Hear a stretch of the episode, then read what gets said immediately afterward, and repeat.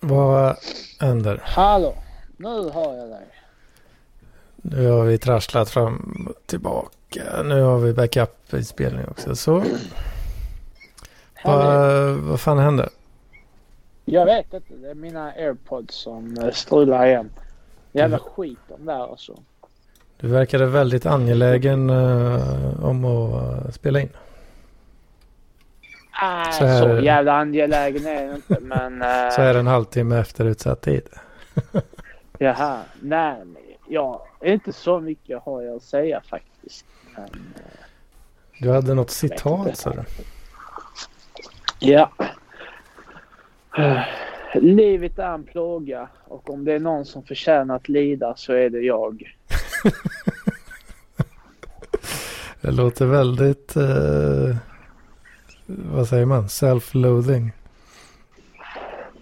Men det är ändå sant på sätt och vis. För du, den enda som lider i livet, det är ju dig själv. Alla andra, du märker ju ingen annans lidande. Eh, och livet är ju fysiskt, en kamp. nej. Och livet är en kamp. Och varje kamp är en plåga. Precis. Och det enda man förtjänar, den enda som lever, det enda som han, den som lever förtjänar, det är att leva. Så då är det att det enda man förtjänar är plågan. Mm, ja, ja, jag vet inte, du tappar mig någonstans i mitten där. Men...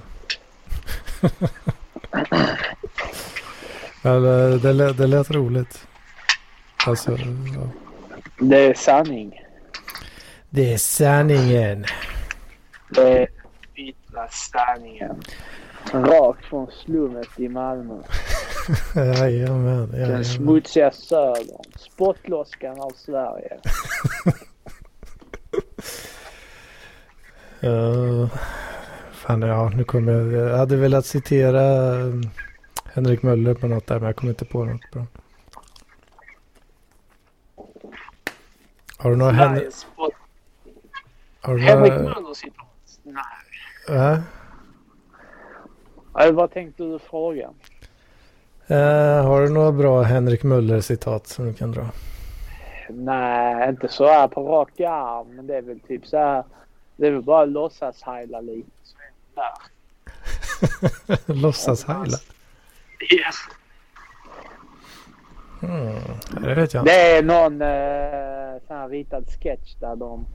Jag vill låtsas heila lite. Ja. det låter ju... Det låter som en Henrik Möller-grej i och för sig. Jag gillar bajsätarna. Ja. Den är rolig. Nice. Så vad har du haft för dig i veckan? Ja. Det är väl inte jättemycket tyvärr men. Inte? Jag har varit ute hos morsan och farsan en sväng. Eh, fredag och lördag. Ja, ja. Käkat lite påskmat och så. Ja, yeah, ja. Yeah. Precis. Ja, det, är, det är nice. Det är vad jag gjorde idag. Nej. Det var inte så mycket påskmat. Men uh, vi skulle egentligen göra det igår. Mm. Men uh, det blev idag. Åh oh, fan. Mm. Ja, sen... Uh, ja, när jag har köpt eller beställt lite nya datagrejer och sådär. Jag såg vad var för datagrejer. Ett litet moderkort uh, som... Um, kan som, virtualisera hundra servrar. Jajamensan. Det är precis det. du behöver 50 till installationer som är avstängda under en två års tid tills du installerar någonting nytt på dem igen. Tills jag installerar? Någonting nytt på dem igen. Ja, precis. Ja, nej det är... Eh, ja, men det är sån här jävla Atom-processor. Eh, så det är inga... Ja. inga... Görs de fortfarande? Ja, men det gör de. Va? Jag tror det var nedlagt. Ja, men det finns faktiskt uh, fortfarande. Så. Så att eh, tanken är väl att det ska vara en lite, ja men inte något jävla monster kanske riktigt då. Så det, Nej, nej, men vad, men vad använder man det eh, Atom nu? Alltså, det lades, så som jag vet så de gjorde en satsning ett tag. Men sen så insåg de att eh, ARM blev för populärt. Och så var det inte så jävla bra ändå som de utlovade. Så de typ eh, halverade eller la ner hela produktionen av Atom. mm. Ja, ja, det kan ju säkert kan ju säkert vara något att de har, som du säger, dratt ner på det. Ja. De kanske inte säljer svin mycket av dem. Men eh, jag tror det är ganska många sådana här, eh, alltså typ eh, Synology och sådana där som gör nasar. Eh, de använder nog rätt mycket sådana. Ja. såna, Men vad tjänar de på att ha en Atom egentligen? vad de tjänar på det. Ja, alltså vad är... Det gäller nämligen ingenting mindre. Att göra det stora samhället en familj. Sålunda till drivkraft, utbytande rätten, är Tjena Kai, vad gör du? Nej, det var Frank. Hörde ni inte Frank? Ja, det var, ja, men jag tyckte väl jag kände igen den där skånska eh, rösten. det gäller nämligen Men det var lite, det, den, den kördes igenom för många lager så att det blev för distortad. Så jag fattar inte att det var Frank. Jaha. samhällets pelare. Där i grund och botten måste en gång leva. Men det, vad- är det verkligen Frank? Det är Jag bara, tycker det låter som eh, Frank. det är bara någon tjomme som pratar likadant. ja. Någon luffare. Någon jävla luffare. ja. Frank hörs inte alltså. Okej, ja, det var ju, var ju floppar. Här skulle jag komma in och dominera här med Frank. Ja, det det, det hördes ju någonting. Men Det hördes någonting. Okej. ja. Är det pod- den nya poddstjärnan Tord som har lockat in alla dessa nya ansikten rakt in i podden nu? Det är jag som drar både publiken och gästerna. är det så? Jag skickar en faktura på 50 lax till dig sen Anders. Ja, då behöver jag ha lite mer eh, swish eh, i så fall. Det, är för det är inte mitt problem. Jag, har- jag har inte beställt några målare. Eller vad, nej. Jo då. Här är ingen som gör nu för tiden. Det är ett danskt avtal du ingick genom att bjuda in mig här. Så det är, det är klippt och skuret. Du kör som den uh, Grotesco-sketchen alltså. Vilken grotesk och sketch. Eh, det är ju... ehm, ja, hur fan går den nu då? Det är ju eh, Per Andersson kommer hem till någon eh, person. Eh, för att han ska laga någon jävla rör eller något. Eller nej, vänta nu. Han, han bryter ju sig in. liksom. Och så ska de starta arbetarfik och grejer. Ehm, men så, eh, ja nu butchar jag ju skiten ur det här då. Men, eh, men eh, så här, han bara, ja men eh, ja, det, jag ska laga dina rör här. De är helt paj. Ja men jag har inte beställt någon rörmokare. Nej det är ingen som gör nu för tiden. Eh, så fortsätter han bara kötta på liksom.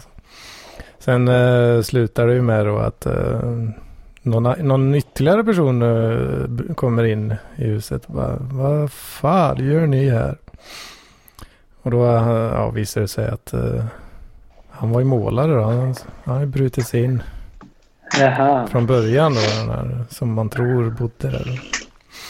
Men nej, det, jag har inte beställt någon målare. Det är ingen som gör det. Åh fan. Så jag bröt mig in där och målade om i ett vardags. kommer en faktura. Ja, men så, det är typ så det kommer bli sen när man Så, eh, har det är det du har gjort. bort de flesta människor. Det är det du har gjort här nu. Jag? Ja, du har brutit Ja, dig in ja. i min podd och bjud, bjudit in gäster och så kommer det en faktura sen. Precis. Men jag har inte är beställt några Du är gäster. ansvarig utgivare. Du har inget val Anders. Är man ansvarig utgivare så åker, då åker man på sånt här. Liksom. Det Precis. kommer. Ah, fan, jag har inte Det- beställt några gäster höll jag på att säga. Men du har, du har ju bjudit in mig sådär. Då har du by proxy eh, tackat ja till allt detta. Det är så man sitter i klistret som ansvarig utgivare, Anders. Du Ja, borde fan inse att detta är det som vilar på dina axlar. jag tänker ju att det ska vara ett community-projekt det här. Men uh, Ingenting är community-projekt, Anders. Allting har... sitter jag med Allting. fakturer ifrån eh, Precis. vad jag trodde var mina vänner. Imorgon vaknar du upp med ett AB och du har en stämningsansökan på eh, under kudden som ligger och väntar och du måste bara hantera det, lösa problemet. Finns ingen utväg. Ja, fy fan. Ja, det är ett jävla det öde och helt plötsligt sitta med ett jävla AB som dessutom eh, ligger i stämning. Som ligger minus och hela styrelsen undrar varför VDn Anders Hedman har gjort så att det ligger minus så här mycket. Ja, vad fan. Och så måste du stå till svars till, på det. Alltså hade jag varit dig så hade jag fan ta mig börjat kolla på Tony Robinson-filmer och eh, gått upp klockan fem på morgonen för att reda ut detta här. Eh, ja, ja. Hur går det med kvantdatorn Anders? Kvantdatorn. Ja, du bygger ju väl en kvantdator åt FRA där. I, är inte det? Ja, jobbigt? nej, Det var det, jag, det var jag hört i alla fall. det vad du har hört. Ja. övervaka, övervaka hela Sveriges befolkning och så. ja, precis. Jag fick ju aldrig något jobb på FRA. Alltså, Ja, du klarar inte kollen där kanske? eh, jo, jo, jo, men eh, Han hade för mycket THC i urinet. jag sökte ju faktiskt jobb på eh, FRA. Eller, vänta, var det det? det? Nej, det kanske var något annat med försvaret. Men, eh, men det fick jag inte. De svarade typ, vad var det, tre, fyra månader senare att ah, det blir tyvärr inget. Nej, no shit. Vad skulle du gjort där för något då? Ja, så Linux admin eh, tjosan. Sysadmin tjofräser. Såklart. Men Ja. eh, det löste ju sig. Håller struten hus någonstans då? Har- han, helt, är han så upptagen med sitt nya jobb att han inte kan vara med här längre? Eller? Ja, jag vet inte riktigt. Han har väl börjat må bra igen kanske. Mm. Så bra att han inte behöver ringa in. Ja, Han verkar få upp gnistan lite grann mm. Det har inte tid med oss plebs. ja precis. Han måste fixa sina Postgres SQL-databaser. Ja, fy fan alltså. Fy fan. Databaser hit och så databaser dit. Alltså, vem fan pallar med det? Ja, fy fan. Tänkte fan ta en liten bira nu. För det var länge sedan jag gjorde det i PLP. Jaså? Ja, jag Mm. sitter här och dricker uh, rödvin ur en kaffemugg. Det är ju som så att eh, man är ledig imorgon. Eller ja, jag är det i alla fall. Ja, jag också du. Röd dag. Jag också. Röd dag. Så jag tänkte, fan jag hittat så himla eh, tokig öl här alltså. Jaså? Ja, jag vet inte om ni ser här. Nej, jag kollar inte på mobilen. Vänta. En eh, norsk bira. Från, Am- Norsk. från Det är Amundsen. där Kveik kommer ifrån. Om du vet vad det är. Om du... Visa igen ölen. Ah, Ska vi se. Här har vi, ja det syns ju. Det syns åt helvete. Ja, Blinka lite. ser du nu? Inka kan. Doppel, doppel, doppel. Mm, Ja, den heter Dessert in a Can. Aha, ett sånt skit. Ja, det är någon sån jävla eh, stout tror jag det heter. Ja, jag hatar sånt. Och eh, vad står det? Peanut butter caramel crisp jam. Alltså du vet Canned om... donut. Jag, jag har ju ett litet hobbybryggeri med mina polare. Mm. Vi har eh, lokal utrustning och det är typ så här halvseriöst. Och den erfarenheten, den har gett mig att all sån där öl som är typ så här att det ska smaka blåbärspaj eller födelsedagstårta eller eh, det är typ som en smoothie med lite humle i, mer eller mindre. Allt sånt är skitlätt att göra. Det svåraste och det som är mest typ så här gediget, det som är mest så här hantverksaktigt, det är Mm. att göra en klar och krisp lager. För det kräver fan med precision, hantverk och eh, tålamod. Mm. Alla Jävla såna här- märkligt det där. Det var samma jag gjorde. Testade höll också på. Jag har en polare och byggde lite öl. Det är liksom så här. Det man tänker är liksom finöl, så här IPA och sånt. Det kan man ju liksom. Det kan man ju göra bra, ganska enkelt liksom. Det är, Precis. det är helt omvända världen där. Så här fulöl. så här billig svensk jävla storstark är liksom. det- Det måste man vara liksom eh, expert för att göra. Mm. Exakt. Alltså sån här, eh, sån, eh, ja, vad vissa kallar finöl. Alltså det är i princip en prinsesstårta och eh, ett par polska smuggelöl som man har kört ner i en mixer och buteljerat på olika flaskor. Och sen sålt det vidare som någon form av stout. Ja, ja, ja. Jo, den, eh, fan, den, är, den är ju rätt eh, fräck ändå, den här svindyr. Ja, du gillar prinsesstårta som är nedkörd i en mixer så bara drick. Bara. Ja, det smakar ju, det smakar ju som att dricka läsk för fan. Så jävla söt alltså. Men eh, Ja. jo, jag har hört eh, detta också att eh, fan det är ju den fulaste ölen som är svårast att göra. Typ. Ja, i princip faktiskt. Um, alltså sån här klar och krisp lager. Alltså du måste vara...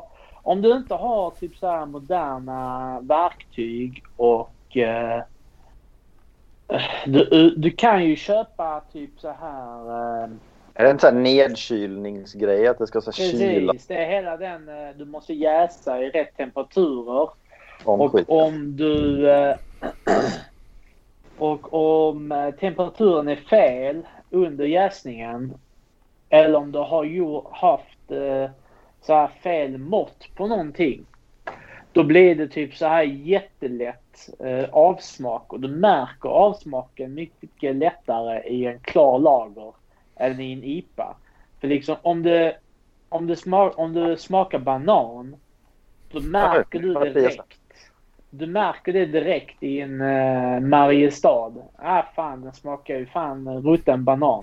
Men en IPA, en sån här jävla hipster-IPA. Ja då, då eh, på etiketten så målar de av en rutten banan. Och uh, har det som deras sån här uh, uh, marknadsföringsgrej. Ja shit, fan vad ball. Här är en öl som smakar rutten banan liksom. Ja, det är skitsmart om, om man försöker göra en bra lager och sen så får man säga "Ah, okej den här smakar visst gamla i blåbär istället. Ja men då Ja. skriver vi det på etiketten. Precis, och det är att de har gjort fel någonstans i steget och sen har de bara fuck it. ja det är Ja, vi skitsmart. kör ner några sådana här blåbär de har köpt på Lidl. Och bara kör ner det i ölen och sen eh, buteljerar det och säljer det till sådana skäggiga jävla miffon på Möllan. Fan. Ja, ja du, du är inte nådig mot, eh, mot den här bullshiten. Nej. Alltså det, kan du tänka vilken bedrift det har varit på medeltiden när man först kom på hur man gjorde lager?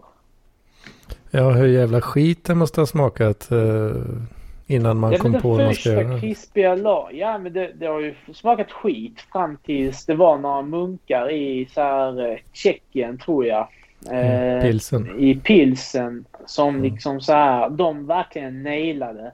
Och då Mm. var det typ så här en källare i ett slott. eh, I en specifik tid på året och du kunde jäsa en lager. Mm, Och verkligen göra det bra. precis. Och Ja. då fick du en sån här bra, klar lager. Innan dess, alltså då var det bara bajs. Alltså då var det så här misslyckade ales. Ja. Kanske någon jävla ale med bajsvatten. Man hade ju bara bajsvatten då. Alltså kloaksystemen funkade inte så jävla bra så. Vi sätter en jävla stinkande bajskorv på etiketten och säljer för dubbla priset. det är det man hade gjort idag faktiskt. Det är så man hade löst det idag. Ja. Ja, men sen var fan. det, ja, Jag, jag har ju druckit ganska så billig skitöl eh, under längre tid nu. Eh, och sådär. Och fan, jag, jag har insett nu att fan vad gott det är med en riktigt bra eh, pilsner alltså. Det är fan med bra alltså. Ja, det är fan fint alltså. Så, Ja. vilken jävla spaning va? Ja. Vet, vet du vilka som är min, eh, mina favoriter? Jag har 1664. Den är riktigt bra. Är den där verkligen alltså? Den är bra. Den gillar jag. Men Jag jag vet om att i, i Frankrike så är det deras pisseöl. Alltså det är Ja, deras jag har aldrig eh, riktigt- krokodilöl. Jag har inte riktigt... eh, Men jag- Om öl i Frankrike liksom. Det är väl inte sådär. Jo, alltså Så det det finns ju... fransk skitöl, det kan ju... Det måste ju vara riktigt vad skit. Ni, fransk ni, skit, snack, ja, ni eller vet det inte är- vad ni snackar om nu. Nej, nu, nu- nej. Nu, nu är ni tysta här nu. För jag vet. Har du- Har du något bra tyskt vin att rekommendera eller? Ja, det har jag faktiskt. Men om ni bara lugnar ner och lyssnar här nu, för jag vet. I Frankrike, då finns det ett område som heter Alsace. Och det har varit lika mycket tyskt som det har varit franskt. Och där har de en extremt stark eh, ölbryggarkultur. Och det är där 1664 kommer ifrån. Mhm. Så det är typ eh, varje gång jag varit där. Då är det typ så här eh, om du går in på en restaurang. Då är det då är det fransk mat i tyska portioner kan man säga. Grodlår. Va? Grodlår och sånt? Eller vad är franskt? Nej, fan. Nej, men det är typ så här. Nej, sluta med... Sluta tramsa nu här. Det är, det är choucroute, vilket som är surkålsgryta med eh, massa kött, korvar och potatis och sånt i. Och sen är det ostsallad med korv. Och sen är det knödel och det är spätzle. Uh, massa sådana grejer fast med fransk finess. Så det är, det är riktigt bra mat de har där. Och de gör riktigt bra öl. Mm. Oh, fuck. Eh, Så man ska inte säga ja, bara så här stryka streck över det. Så där, där har de riktigt bra öl faktiskt. Vad säger vi om... eh, 1664. Sen efter den då kommer den här, eh, vad heter den? Bira Moretti. Den italienska ölen. italiensk? Vad fan, nu får du väl... Ja men den är faktiskt riktigt bra. För det, de, har, eh, de har gjort den fan riktigt bra. Bira Moretti. Och sen på tredje plats, delat första plats egentligen, är Tuborg grön. Den är fan magisk. Jag tänkte just eh, fråga hur danskarna ligger till där alltså. De ligger bra. Alltså, nej, jag skulle nog säga att Tuborg, den ligger delad första plats med 1664. Ehm, Mm. Och sen blir det svårt där liksom. Men den är fanta med bra Tuborg. Och sen på fjärde plats. Då är det den här eh, Nils Oskar från Sverige. Den har de gjort riktigt bra. Det, det, det, det är ett riktigt bra svenskt hantverksöl från Sverige. Mm. Det är riktigt så här, man, man kan vara stolt när man dricker den. Det vet man liksom, fan. Här har vi bra svensk öl. Man kan bara hoppas att de har svenska råvaror, men det vet man inte. Men den är bra helt enkelt. Och mark de har marknadsfört den bra med allt det här. Så Var, det är min topp fyra. var Falcon eh, export? Så den är okej. Alltså helt okej, men eh, det är ingenting jag köper. Mm. Då köper jag hellre Tuborg. 7,2an. Hur står den sig? Alltså, saken är så här. Om du ska dricka öl över 5% då är det belgisk öl som gäller. Ja. För de har, fan, de har bemästrat det där. En stark öl. Ingen snack om saken. Chimay, eller vad heter den? här Trappist... Grejen. Ja, de har, de har ju typ så här. De har en singel som är... Eh, vad fan är det? Jag tror det är 3% Sen har du en dubbel, vilket som är 3 gånger 2, så det är 6% Och sen har du en trippel, vilket som eh, 3 gånger 3, vad fan blir det? 9 va? Ja, runt 9% Och sen stiger det så. Ehm, Kvadrupel. i, på en höft så att säga. Det är inte exakta, men på en höft. Eh, men de har verkligen typ så här bemästrat konsten att balansera alkoholen med alla de andra smakerna. Så att du märker ju inte på samma sätt. Alltså dricker du en dansk elefantöl till 10 Alltså du, du, du, du, det märks att du dricker liksom så här en Tuborg med en shot vodka i. Ja, det är lite den alltså. Ja. Men en belgisk sån här eh, öl på 10 Alltså då, då är det som att du dricker en stark öl. Förstår du vad jag Ja, menar? fan den här jävla efterrätten i burk här är fan på... Ja, den är på 10... 10 poäng alltså. Ja. Men det är för att de har ju hällt i en massa sprit i den för att de har... De vill dölja smaken av ICA Maxi prinsesstårtan. De har malt ner där. Ja. Ica Maxi prinsesstårta. Fan, jag tycker det låter gott. Det är gott, men det är inte gott i en smoothie utblandat med eh, polsk smuggelöl. Välkommen in i spelet eh, förresten. ja, Strut. tack, tack, tack. Jag tycker också det låter gott. Men inte, mina smaklökar är lite pajade nu på grund av liksom medicin och nikotin och, och kaffe och sånt. Så jag vet inte. Corona. Ja, och det med kanske. Men jag, jag testar mig nu. Jag, jag har inte corona tydligen. Inga antibodies heller. nej, nej. Du har aldrig haft corona. Jag vet inte. samma här. Det kan vara att jag har placebo-corona. Tänk på det, tänk på det Mattias. De största, de största, de största gourmanderna i Frankrike det är ju riktiga vinalkoholister och kedjerökare. Och deras smaklökar är åt helvete. Så om de kan bli gourmander så kan du det också. Jag har nog varit mer en man tidigare, men ehm, den... ehm, jag, jag, jag vet inte, jag, var inte, jag har inte haft så mycket intresse av mat nu. Jag, jag försökte gå ner i vikt också, det var det nog det lite. Så, så att, nej, men innan var det väl klart. Det.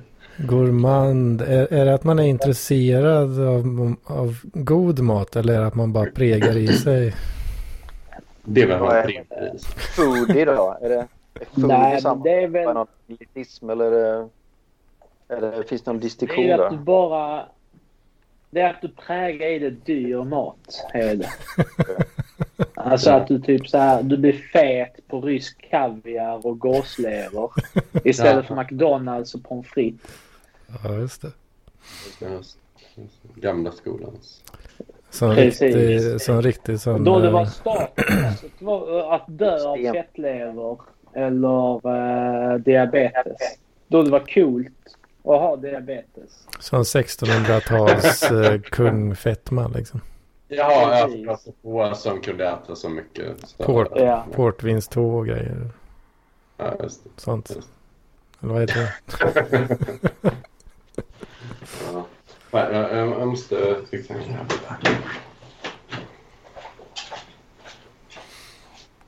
Fan, nu stack struten. Eller fixa en gång. Fan, har ni koll på äh, äh, Lampines gamla neandertalar Twitterkonto har ju återstartats. Har ni, har, ni, har ni hängt med på det? Nej. Mm. Nej, det är jag. Jag har ju tjatat på han. Eller jag, jag var med i hans podd i somras så, så sa jag till honom att han borde ta upp den här neandertalar-grejen igen. Liksom. Jag tyckte det var så jävla kul när han höll på med. Uh, då, då har han försökt så här, dumpa över det på mig istället. Han vill att jag ska liksom föra neandertalarnas talan. Att det är inte det som är grejen. Jag vill ju liksom, jag vill ju konsumera Daniel Lampinen när han typ ringer till eh, eh, till typ Teddy Lucic och frågar ifall han känner sig diskriminerad. Och så. Men eh, nu så, så erbjöd han mig att ta över hans gamla Twitterkonto så här med Nean- neandertal Twitterkontot. Men det vill jag inte. Men eh, nu har någon annan gjort det. Jag frågade vem men då sa han vill inte, han vill inte avslöja det. Men tänkte fan. det är någon, det är någon som vet det. Någon som var lite... Ja, har ingen, Det- eh, Det är bara jag som ingen hänger med i neandertalarfrågan här. Det viktigaste. Ja, fan. Om du vill ha content eh, då får, får man skapa det själv. Vet du. Mm. Men det, efter att ha snackat med vissa personer så verkar det som att det är detta som genomsyrar den mannen tyvärr. Så, men, ja. Alltså att, eh, att det är mycket att eh, andra ska göra grejer. Han kanske är trött på att göra grejer själv. Jag vet inte. Jag tycker ändå han är lite bra. Han liksom får igång folk sådär. Eh, dra igång folk på projekt sådär. Han, Precis, men sen han vill, han vill liksom inte ha så ytlig, ytliga häng med folk. Han vill liksom han vill ha projekt. Det tycker jag ändå ska han ha cred för. Jo, jo, men att sen... Det svåra med projekt det är ju att inte starta dem. Utan det är ju att fortsätta med dem när det blir motvind och tråkigt. Det är där de flesta projekt Ja, han är eh, faller. Och där är ju han rätt snabb på att glömma och gå vidare. Och Nu är det ju väldigt eh, viktigt att tänka på att man ska inte prata om Daniel Lampinen. Eller? Just det. Så att eh, vi får, får prata med honom istället. Ja, ja, men det... Han, han råkar inte vara med här nu så.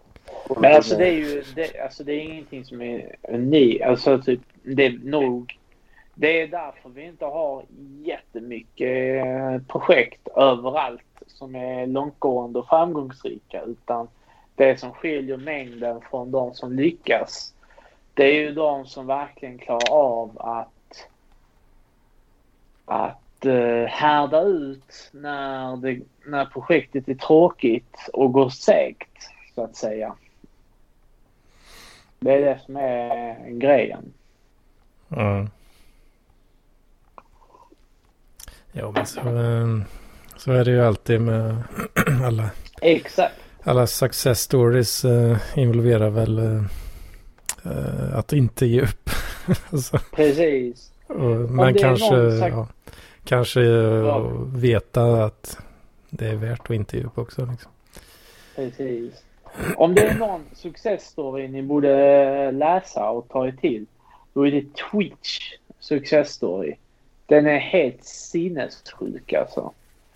Eh, Justin TV. eh, eller? Precis. De börjar, alltså det hela, hela den skiten började med att de, samma killar, de skapade en online-kalender.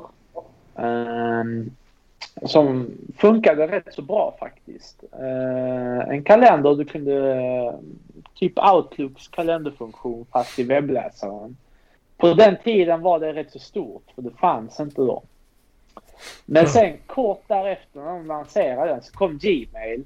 Och alla insåg att shit alltså det här är allt det vi erbjuder plus lite till Vi kommer Mm. aldrig tjäna pengar på det liksom. Så då förlorar de, ja de förlorade hela den grejen.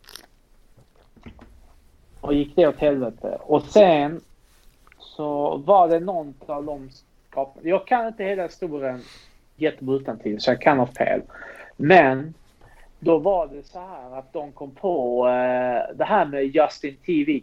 Eh, och då var det att de gav någon snubbe en ryggsäck med en liten dator i och en webcam och sen en webbplats. Mm. Och eh, där han gick omkring så skulle man se det livestreamat på eh, webbläsaren så att säga. Mm. Jo, för det var ju bara en snubbe som hette Justin. Som, och Precis. det var hans eh, stream liksom. Ja. Alltså byggde, Och ja, sen- de byggde en hel egen plattform för det då. Alltså. Precis. Och, och, och de höll på med det hur lång tid som helst. Och hur fan var det nu? De hade så här problem med investerarna. De var tvungna till att hela tiden övertyga investerarna om att detta här var någonting. Streaminggrejen var framtiden liksom. Och alla jobbade i, med minimumlön i typ så här över tio år. De satt i någon jävla källare någonstans och kodade som några eh, kodapor hur länge som helst. Mm. Det till och med var så här att när Facebook exploderade och blev stort så skickade de typ så här ett par kostymer till deras kontor. Bara för att psyka dem. Så de Mm. bara gick in där och sa att eh, så här, ah, ni kommer misslyckas. Er produkt är skit, bla bla bla. Det här går åt helvete liksom. Vi förstår inte varför ni gör detta. Men trots det så fortsatte de. Mm. Och de bara fortsatte och fortsatte. Och eh, den här podcasten som jag lyssnade på. Eh, då var det en av, av grundarna som berättade detta. Och han, man verkligen hörde hur, liksom, hur han led igenom dessa åren av misär. Alltså han verkligen levde i ren misär. Mm. Alltså han, han typ så här jobbade i, i detta till syntes misslyckade projektet. Alla hans kompisar hade toppjobb överallt. Apple, Facebook, Google. Allting gick jättebra. Eh, Medan han satt i en liten källare eh, med det här projektet liksom. Mm. Och, eh, och det var verkligen skit fram tills Amazon kom med ett erbjudande om att köpa upp dem. Mm. Eh, och då la de ett rätt så stort bud. Men hela det här budet hängde på att alla de skulle klara Amazons eh, arbetsintervju. Mhm. Och det var precis på håret att de gjorde det. Eftersom eh, jag tror det bara var en som hade en gedigen vetensk- alltså datavetenskaplig utbildning. Och det var typ så här tio år sedan han hade gått ut den och deras eh, så här arbetsprov var jätteteoretisk och jättehård. Mm. Och alla de var superrädda att de skulle misslyckas. Men det var precis så de klarade. Mm. Och eh, när de klarade då köpte Amazon upp dem och de alla blev multimiljonärer. Mm. Men det var typ så här 12 år av panikångest och agoni och eh, psykisk tortyr av andra företag Mm. som de var tvungna att genomlida liksom. Ja, det är smutsig bransch den, Ja. på det viset. Ja, det kan du relatera lite till kanske då, Tord. Ja, det kan Eller? Eller? faktiskt. Alltså när det, när det går liksom så här, när det är jobbigt då tänker jag faktiskt på hans historia. Mm. Och eh, tänker på att det finns en chans till eh, ljus i tunneln så att säga. En dag ringer de. Amazon-gubbarna. Exakt. Men fan alltså jag hade inte klarat det arbetsprovet alltså. Jag är helt shit alltså. Vi ska inte gå in på det. Ja, ja men det blir fint sen när eh, alla sitter med timecheck. Mm. The global standard. Precis. Förhoppningsvis. Mm. Ja, ja. Mm, mm, Ingen mm. annan som har någonting att komma med. Ja, jag vet inte, jag, jag har sovit väldigt mycket igen men jag, jag håller på att komma igång mitt jobb nu. Det är lite så här blandat så det är mycket, ja jag vet inte. Lite ovant att behöva ha leveranser och sådana saker att hålla i huvudet. Ja, Men du jobbar bara, hemma, jobbar bara hemifrån struten eller? Men ja, du, ja pre- precis. Men, precis. eh, Det- ska, ska, du, ska du börja jobba i Danmark när, när den här Ja. bacillen har gått över eller? Ja. Ja, precis, precis. Det är ju planen då. Eh, men jag är väl provanställd på något sätt nu så de kollar av lite hur, Nej. hur det är att jobba med struten då. Om det är trevligt. Mm. Hur det är att jobba med struten.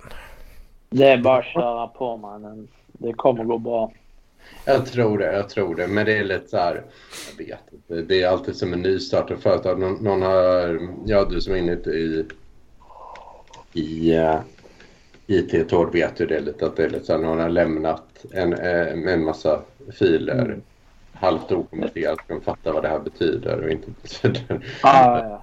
Så, eh, och eh, ja, så får man en kommunikation via ett mejl i två rader. Och sen ja, vad, betyder, vad menar Karl? Ja, då måste man ringa upp. Och det är mycket så här, man använder en term som används på ett ställe men inte på ett annat. Och, ja. Mm. Same old, same old. Men jag håller på att rota nu i lite, lite papper. Nice. Ja. Sen så eh, jag är väl lite så här, fan, jag, jag undrar om inte jag har haft placebo covid-19 så för jag testade mig nu i veckan. Så här. Men det, det blev negativt. Alltså. Men Men det var ju en eh, dansk studie som sa att typ så här över hälften av alla såna här test är, eh, är felaktiga. Alltså typ så här eh, eh, de har visat negativt när de egentligen är positiva. mhm. Jag läste det häromdagen att det är någon, något forskarlag i, i Danmark Mhm. och de har kommit fram till det att ja, de flesta människorna gör eh, covid-19 test. Eh, alltså covid-testerna helt åt helvete och de är fel helt enkelt. Så det är många som tror att de inte har haft covid-19 men som har haft det. Mm. Skulle Enligt den, eh, det, just den studien eh, som jag läste om. Sen eh, kanske det finns andra, jag vet inte. Ni vet hur det är med studier och forskning och sånt. Ja, en, någon säger en grej, någon säger en annan grej. Så, Mm. så. Men ja, men jag vet inte, men det är lite så här... ehm, jag, jag börjar få tillbaka min lukt och smak i alla fall. Och det är lite så jobbigt. Jag märker att jag har har fått så, så gubbgrej. Jag märker att det luktar lite illa av, av mig. Eh, och så här, och olika delar på kroppen och så här som jag liksom inte har... Ja, jag har ju inte märkt att, det- att det luktar illa av det. Så, här, så att nu märker jag det. Jag har gått runt och osat. Det är lite pinsamt då så att om, om, om ni har sett mig på stan i Malmö och det har luktat illa så får jag väl... Kanske tur att du inte är på nya jobbet då. Ja, precis, precis. Exakt, jag har inte varit på plats på, på eh, jobbintervju. Men, eh, men det är nog... eh, Jag vet att det blir väldigt jobbigt när det kommer tillbaka för då märker man så att fan, ja, jag vet inte, lite olika äckliga odörer som, som man inte har behövt tänka på innan. Så. ja. Ja, ja men det är, det är som jag skrev till dig innan. eh, Jag har också haft lite problem det där med dålig lukt i lägenheten. Ja. Eh, Först var det ju det att jag, jag hyrde en etta när jag var väldigt ung. Och eh, då var det så här att hela det huset luktade dåligt. Men jag trodde att bara var jag som hade misskött lägenheten. Men nu om jag går dit där och går bredvid, alltså går utanför själva huset. Mm. Då känner jag att det är huset som har den här speciella lukten. Jag vet inte vad det är. Mm. Men jag blev ju smått galen när jag bodde där i den ettan. För jag trodde Ja. att det var, det var jag som var kass helt enkelt. Men det var Ja. hela lägenheten luktade och det satte sig på mina kläder. Och eh, vissa påpekade, andra vågade inte påpeka det. Och jag luktade ju skit. Jag luktade ju som, min lä- som lägenheten och eh, och jag själv visste om det, men jag vågade inte prata om det.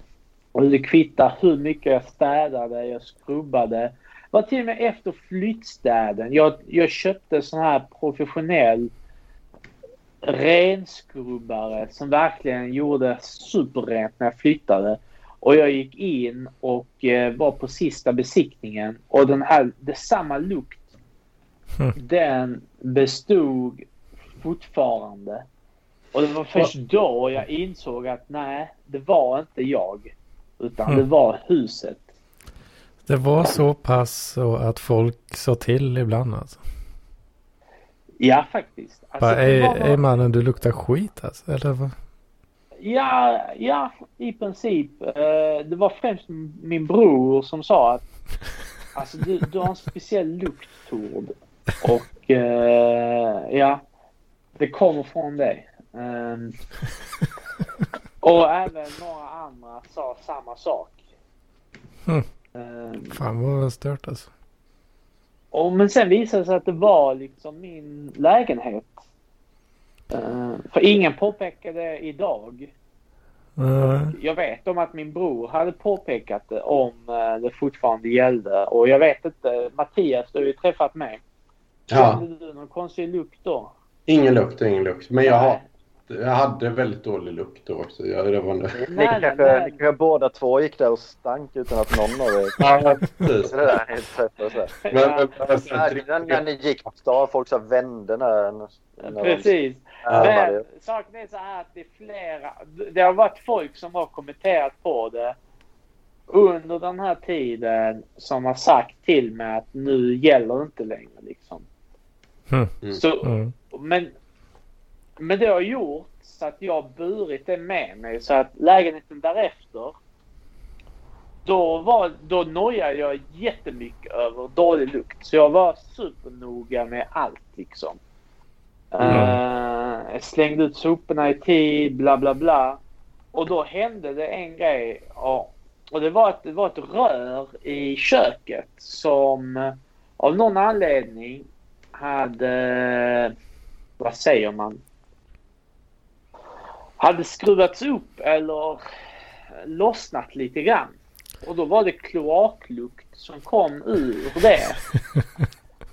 Och i just köket. Och då trodde jag, åh herregud alltså. Är det, är det Tord nu här som har fuckat upp den här lägenheten igen? Alltså det var inte första lägenheten. Utan nu är det andra. Så detta här är det ultimata beviset på att du är en jävla gris Tord. Och det är därför allting luktar svinstia oavsett var den bor. Men då visade det sig att det bara var ett rör som satt löst och eh, en tekniker, tekniker kom och skruvade tillbaka det. Allting ordnade sig. Mm. Men jag vet hur jävla hemskt det är när det luktar kast i lägenheten. För jag får panikångest så fort det händer. Mm. Mm. Mm. Jag kan prata, ber- berätta om mig för att jag är väldigt dålig på att diska av och städa av och, och sådär. Och i tidigare lägenheter har det nog, ja det vet jag inte, då har det ju varit all möjlig annan lukt i lägenheten. Typ rök och, och, och, och ja, ganska gamla lägenheter. Jag tänkte, så att jag, jag tänkte att just den stanken inte gjorde så mycket så här då. Eh, Alltså inte Det gjorde ingen större skillnad om det låg sopor. Nej, nej, men om det är någonting som är ruttet så är det ju äckligt att det ska stå kvar gammal mjölk och så här. Men, men jag har väldigt svårt att tänka att ja, mm, ja fan soporna har stått framme en dag för länge eller, någonting sånt. Liksom. Då tänker jag att det kanske inte ja, i hela jävla världen. Så. Men Eh, men där, där jag bor nu så, så är det väldigt bra eh, isolerat. Så att nu märker jag ju när jag kommer in i lägenheten att fan, är det någon grej som har legat framme lite för länge då, då märker jag den lukten direkt när jag kommer in. Liksom, så um, typ. Ja. Och, då, och då har jag liksom, nu, ja det har växt i mitt huvud. Jag vet inte, det känns som George Costanza eller någonting. Så att jag liksom fan, undrar om jag luktar typ gammal gubbe på stan eller där. Och börjar lukta. Och sen så är det också att covid-19 har ju trubbat av luktsinnet så nu märker jag ibland att fan, jag luktar svett. Nu märker ju det, det på riktigt så. Liksom. Men under en period så märkte jag inte alls det. Liksom, så, här, så att, Mm. ja. Eller kanske inte brytt mig riktigt heller. Så det... Ja. Men det där med svettlukten, det är ju isolerat. Det är ju liksom bara en daglig dusch som Ja. råder bot på det.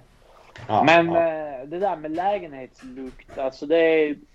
Nu vet jag ju det att eh, nu, som det är nu, då är det bara om eh, man har typ så glömt ta ut soporna som jag vet att det är liksom, det är där det kommer ifrån.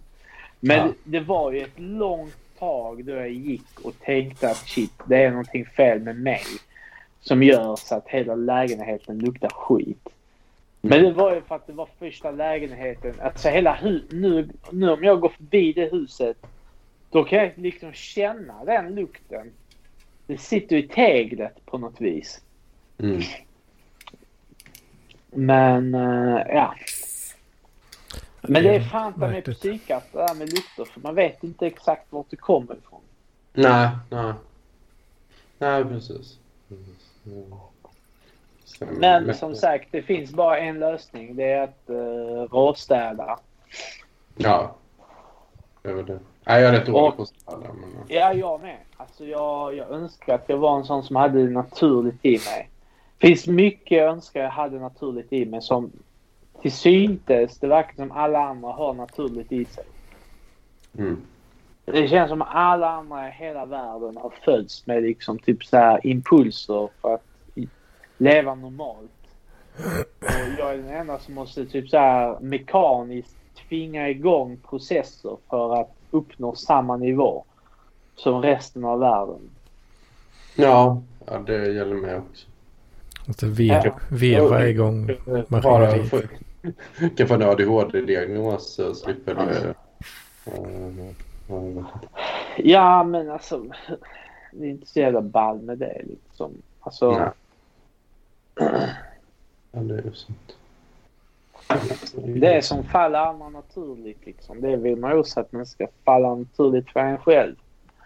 Tänk Mm. om man var en sån som bara av ren egen bedrift hela tiden höll det jättestädat och ordningsamt.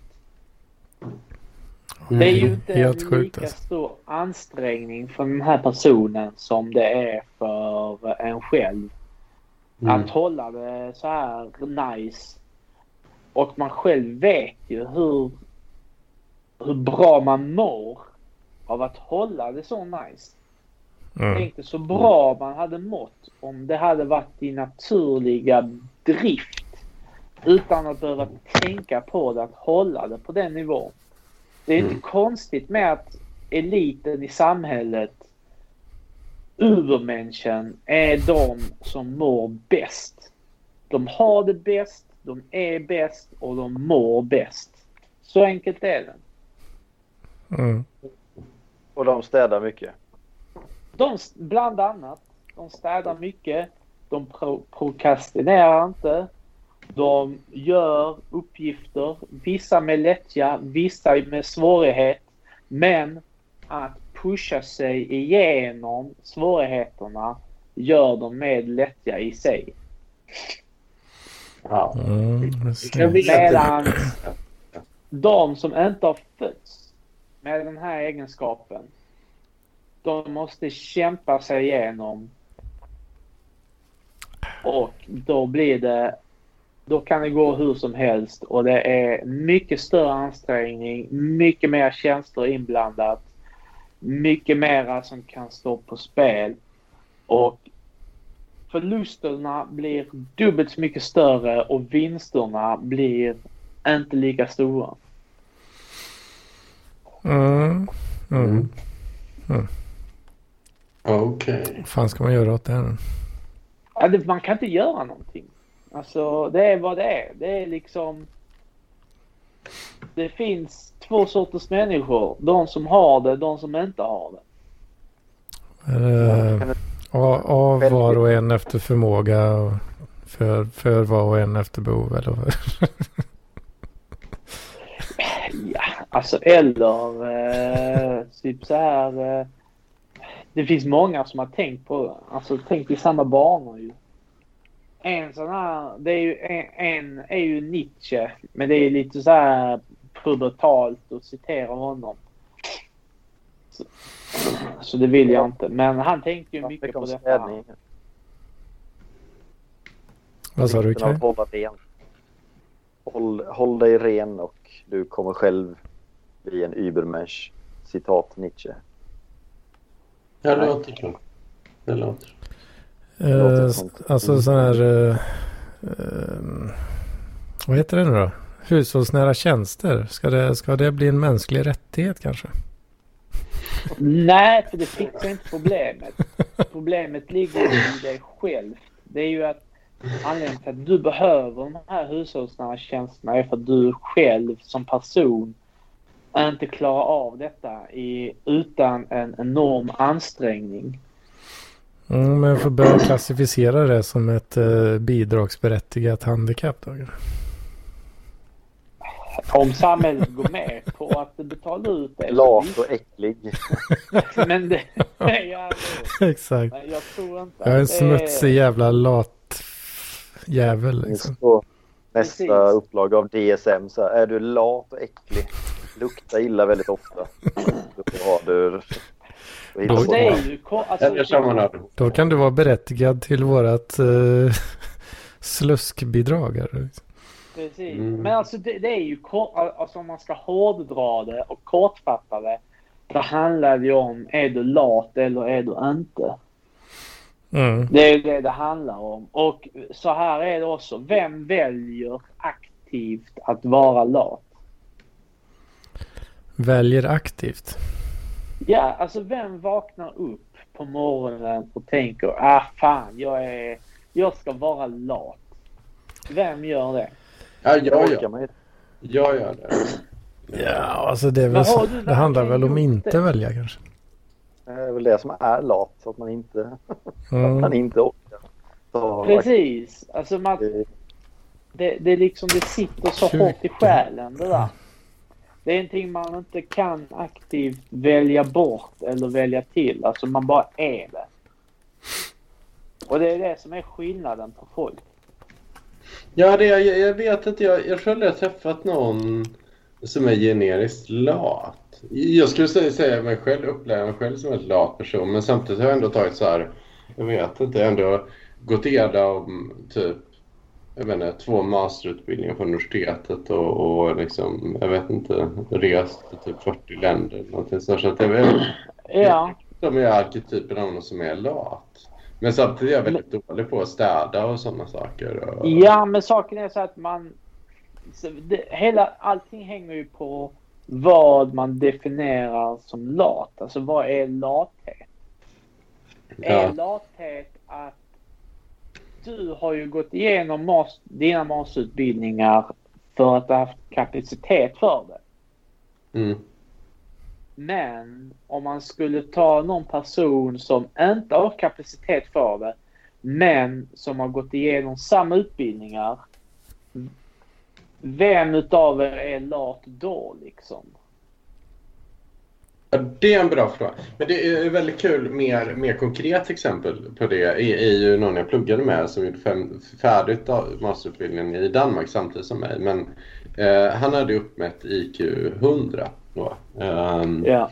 så, ehm, och ehm, och eh, ja, jag tyckte han var väldigt trevlig. Men hans exjobb, han gjorde färdigt det samtidigt som mig och fick, fick lite bättre betyg än mig också faktiskt. Men Mhm. eh, eh, han är ju som, som du, du beskrev en übermensch som får saker gjorda och det är väl, väl städat hemma hos honom och eh, Mm. väldigt noggrann och extremt hög consensusness. Så liksom. Ja. Uh, um, men uh, det, det, vet jag inte liksom hur mycket jag kan då säga att jag... Um, jag, för uppenbarligen har jag högre IQ än honom. Nu vet jag inte, någon gång i tiden var den uppe på, på topp 5 procent i Sverige. Men nu, nu är den inte det längre riktigt. Men den Alltså har... du, eh, Mattias, material alltså. IQ Ja. sänks aldrig. Gör inte Bra att ha det? det i baktanken. Du, Det du är kan klart aldrig det. förlora IQ. Jo då, Men det fortsätt. skalan kan ju ändras. va? Mm. Skalan kan ju ändras men du kan... Ja, skitsak samma, fortsätt. Ja, nej men skitsamma. Nej men det är väl intressant då att ja, vi, vi gjorde exjobbet samtidigt ungefär då, men han har IQ 100.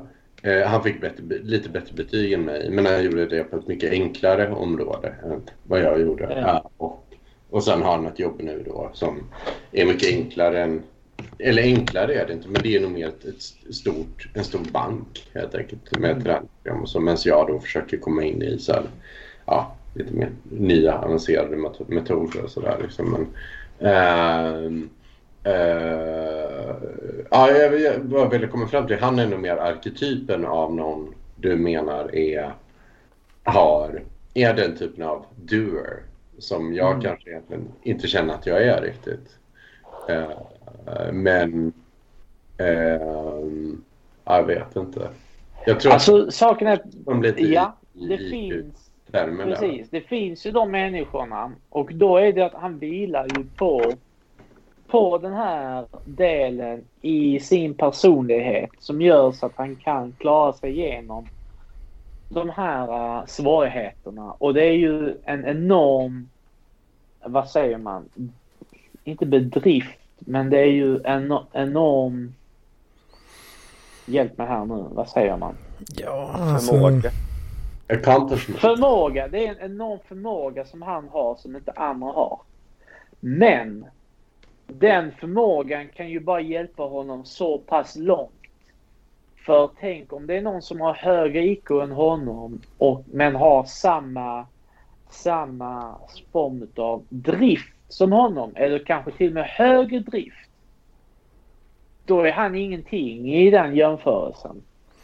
Mm. Och Ja, där är, det ju, där är det ju en enorm skillnad mellan människor. Det är därför liksom vi har människor som, ja, vissa är, vissa bo, bor i Rosengård, andra inte.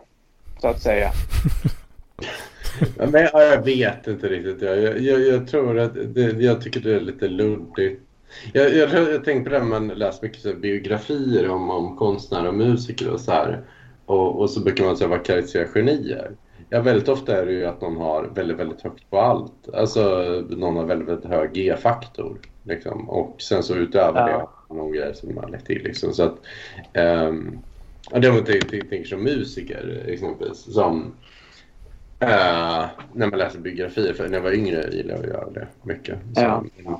Men jag tänker att de flesta som är duktiga sångare exempelvis är, är ju alltid i första hand duktiga sångare. Och sen så har de kunnat få till andra grejer också. Men i alla, första hand når de över ett vad ska man, tröskelvärde som om vi tar Brett Anderson i Suede exempelvis eller, eller eh, svenska Robin. En av de väldigt duktiga eh, sångare. Eh, ja, he, helt, helt objektivt liksom.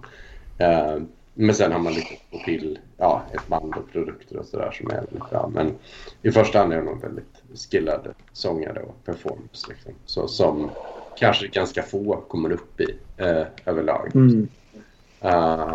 Tänker jag.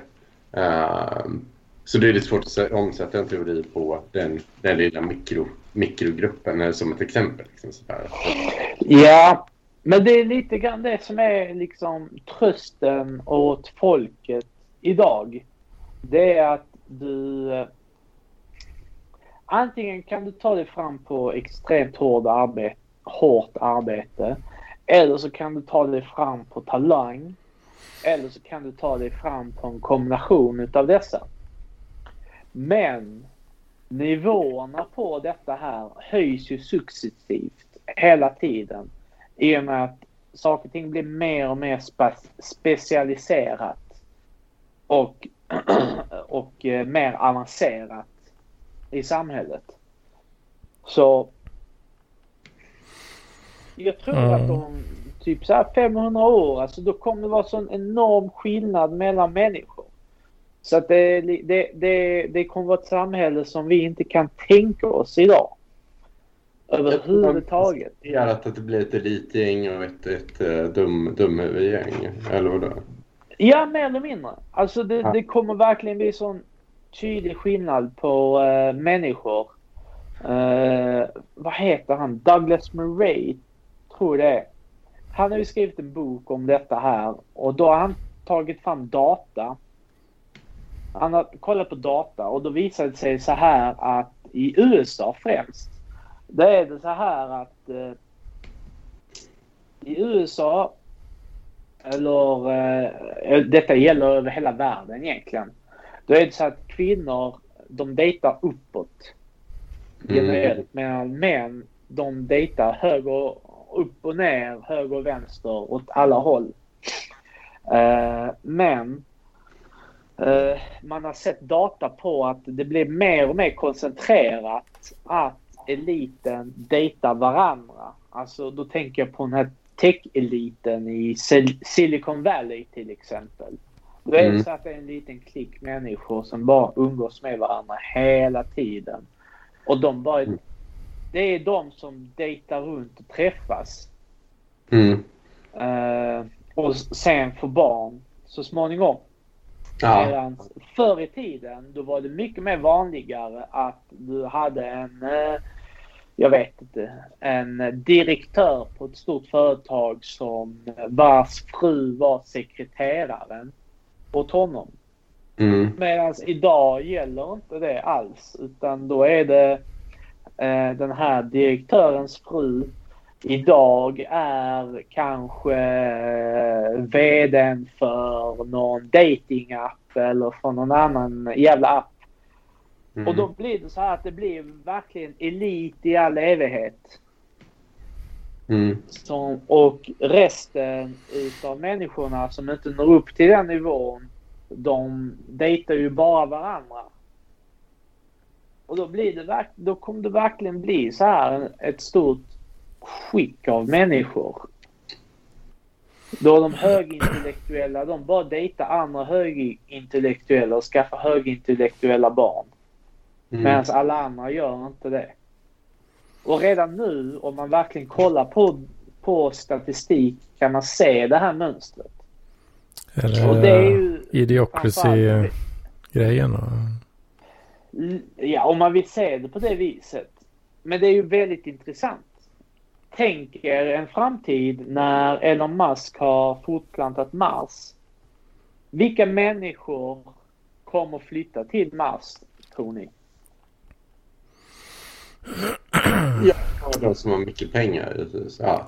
Och vad är det för människor som har mycket pengar? Ja, Ja, IT då antagligen. Precis. Och inte bara det. Ja, Inte bara de som har mycket pengar utan även de som tar stora risker. Just det. Just det. Och vad är det för folk som har mycket pengar som tar stora risker? Det är ju de som har tagit risker som visat sig vara lönsamma. Så då kommer de bygga ett sånt här superlibertarianskt samhälle på Mars med massa med Mm. högintellektuella människor som tar bra risker. Tänk er den skönt. utvecklingen. Slippa dem. Fan vad skönt att slippa dem. Alla, alla de flyttar till Mars. Alltså. Det är verkligen så här. Så här du, du började med att måla upp en dystopi, sen, så bara, sen bara löser sig allting. Elon Musk flyttar till Mars. Jag, typ, jag, gillar det, jag gillar det här redan. Alltså. ja, det beror, man kan ju se på tal- fan, man kanske, kanske borde börja spara pengar så man kan flytta dit. Ja, det är ju lite grann så här. Är, är, är glaset halvfullt eller halvtomt? Frågan egentligen. Men, Mm. men saken är att, ja. Det, det, det är en väldigt intressant grej att tänka på liksom. För det är ju, vi, det är ju den riktningen vi går på. Om man verkligen tänker djupt på vart samhället går någonstans och de valen vi gör idag. Men, men det, det, Mm. Okej, ja, för jag, det jag fattar att det är många som stör sig på i Sverige kan jag tänka mig. Men jag vet inte, och, men jag vet inte om det stämmer eller om jag eller, eller om, om det ens går att verifiera. Men, men jag kan tänka, ja, visst nu kan ju någon välja att ha att göra med personer. Om vi, säger, om, om vi hävdar då att jag av idag inte har topp 5 IQ i Sverige utan jag slöningar min hjärna nu med, på grund av stress och annat. Och Ja. jag, har blivit, jag, jag är dummare i huvudet nu. Så. Ja. Men jag tror ändå rätt många jag umgås med som jag tyckte var trevliga har, skulle jag tippa på, ligger i topp 20-stratat i IQ. Ja. Tror jag. Jag vet inte. Men, men jag tror det i alla fall. Ja. Eh, och, och då undrar jag ju... eh, om, om man tar det, tar det lite bredare, då skulle alltså de gifta sig med varandra och ha andra vanor än resterande 80 procent. Statistiskt sett. Ja. Du är ju fortfarande en individ. Så där, där kan det bli lite så här eh, fluktuering. Men om man zoomar ut lite grann då kan man se det här mönstret. Mm. Okej, okej. Ja, ja, ja. Men, men om man säger då, ta då topp 20. Ja. Men, men för, för det, om, om man skulle hävda det, för då undrar jag... Ja. För, för då skulle ju det då... För jag kommer hävda som i Sverige skulle jag säga att helt enkelt den gruppen ofta tänker jag flyttar... Skulle nog flytta till Stockholm skulle jag tippa på. Ja. Saken är så här att eh, en grej vi har i Sverige som har bidragit till att sakta ner utvecklingen lite grann. Det är att vi har fri, eh, fri utbildning. Eh, nu har, det jag pratar om det är helt och hållet amerikansk data. Ja. Där är ju inte alls samma urval som vi har här i Sverige utan här har ju fler en chans så att säga att bli högutbildad. Så här i Sverige då har ju fler som har fötts med bättre förutsättningar fått bättre förutsättningar att klättra. Så vi har saktat ner den här ut, utvecklingen lite grann genom social ingenjörskonst i Sverige. Så om man ska bara kolla på Sverige så är det inte lika tydligt. Men jag personligen tror och är övertygad om att om man kollar på tillräckligt långt tidsspann och från tillräckligt långt, långt avstånd så kommer man se samma utveckling i Sverige. Bara det att det kanske kommer bli en lite mer ärligare filtrering och eh, ett kanske lite mer effektivare, effektivare filtrering faktiskt. I och med att fler har möjligheten att bevisa sin eh, IQ genom den fria utbildningen som vi ändå har här. Mm. Det, det, blir väldigt vimsiga termer, men, men för, för jag kommer ju då hävda så här då om, om, om vi tittar på to- topp 20 i Sverige skulle alltså då motsvara egentligen att man har tagit Nej, om, om vi säger att man skulle innehålla alltså, topp 20 elit när man är 18-19 då skulle det motsvara att man läst typ natur på gymnasiet och sen har typ skårat rätt bra på högskoleprov. Egentligen då. Alltså Ja. ganska bra. Typ 1,5 eller 1,4, 1,3 något sånt där. Alltså bättre än... Ja. Ja, ja, ja. Och då blir det en separat grupp. Ja, Ja. ja, ja men, det, men det menar jag att det redan har varit typ. Men den, den, med den gruppen, den, vi alla känner ju till den gruppen faktiskt. Alltså det är ju bara typ så här. Varenda kompisgäng har ju, känner till ett annat kompisgäng vars alla har gått på natur. Ja, ja. Ja, precis. Alltså, Men, ja, jag vet. Men, men jag, jag förstår inte, för det, för, det blir väldigt, det, för jag, det är det jag tycker blir krångligt när man drar upp så här Mensa och den här typen av teorier. Liksom att, eh, ja, jag, ja, jag, jag, vet, jag vet inte. Men jag tror teorin för framgång brukar man ofta säga i en psykologibok för att använda data brukar vara G-faktor. Det är så här någon har rätt högt på allt. Liksom. ja. Eh, och och det, det var alltså som att läsa en biografi om någon som är framgångsrik. Det brukar alltså vara rätt hög G-faktor. Det är väl ganska sällan det är någon som är så här väldigt snedbegåvad. Det är det? ganska, många. Nej, nej, men. Snedbegåvad. jag bara vill förtydliga att det räcker inte med en egenskap. Nej, Alltså, det, nej. räck, det räcker inte bara med att ha högt IQ. Eh, det räcker inte bara med att vara superarbetsam. Utan det är, det är som med allting här i livet egentligen. Det är ju en kombination av olika saker. Och, och sen kan det vara så att i vissa tidpunkter av historien är det mer lönsamt att ha en hög nivå av en viss egenskap. Eh, men det, det är som du säger, det, en, en G-faktor, alltså att det gäller att ha det, man måste vara mångfaciliterad så att säga. Det räcker inte bara med att ha superhögt IQ om du inte kan förvalta den. Och det räcker inte med att bara vara en riktig jävla doer men eh, låt oss säga att du är rörmokare men du är superarbetsam. Ja, alltså då kommer det bli så att den, du, då, då är du en jävligt bra rörmokare. Men vad är du utöver det så att säga? Mm. Så det, Ja. det, det är så mycket som ska till.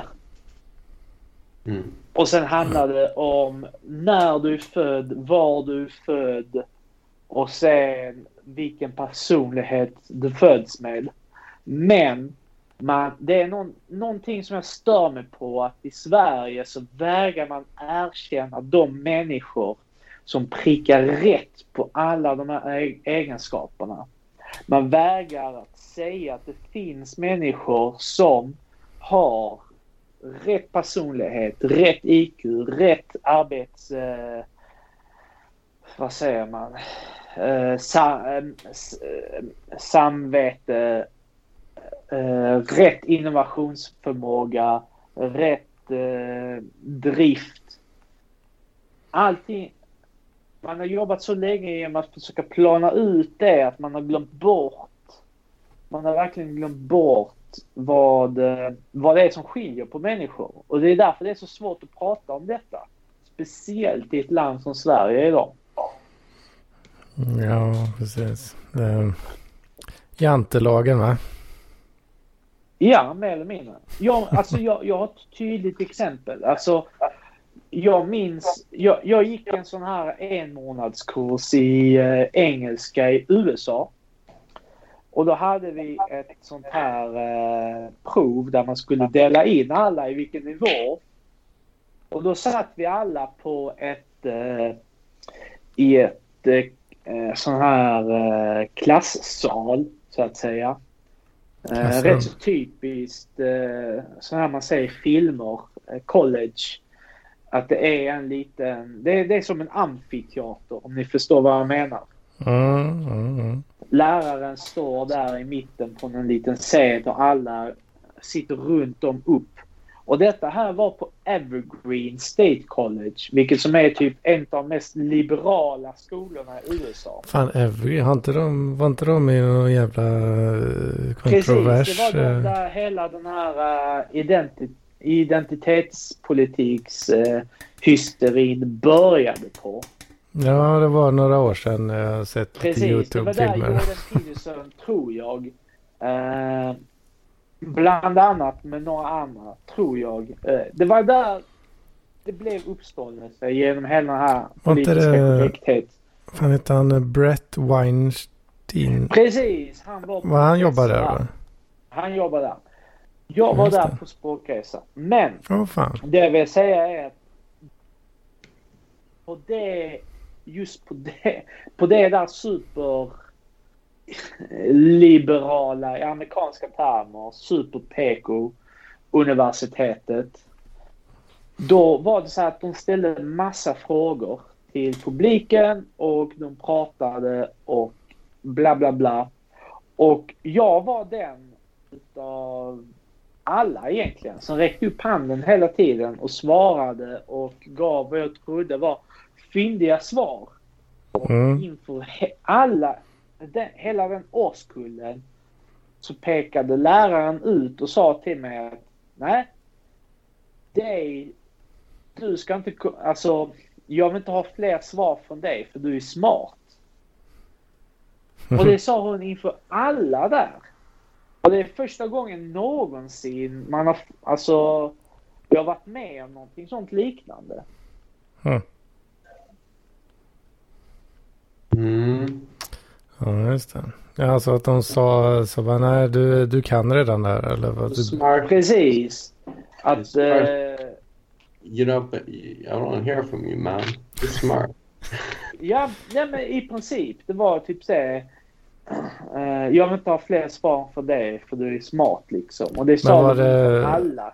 var det liksom, eh, var det liksom så här, ja men du behöver inte, det är bättre vi släpper fram någon annan så de får tänka lite. Eller var det mer, eller,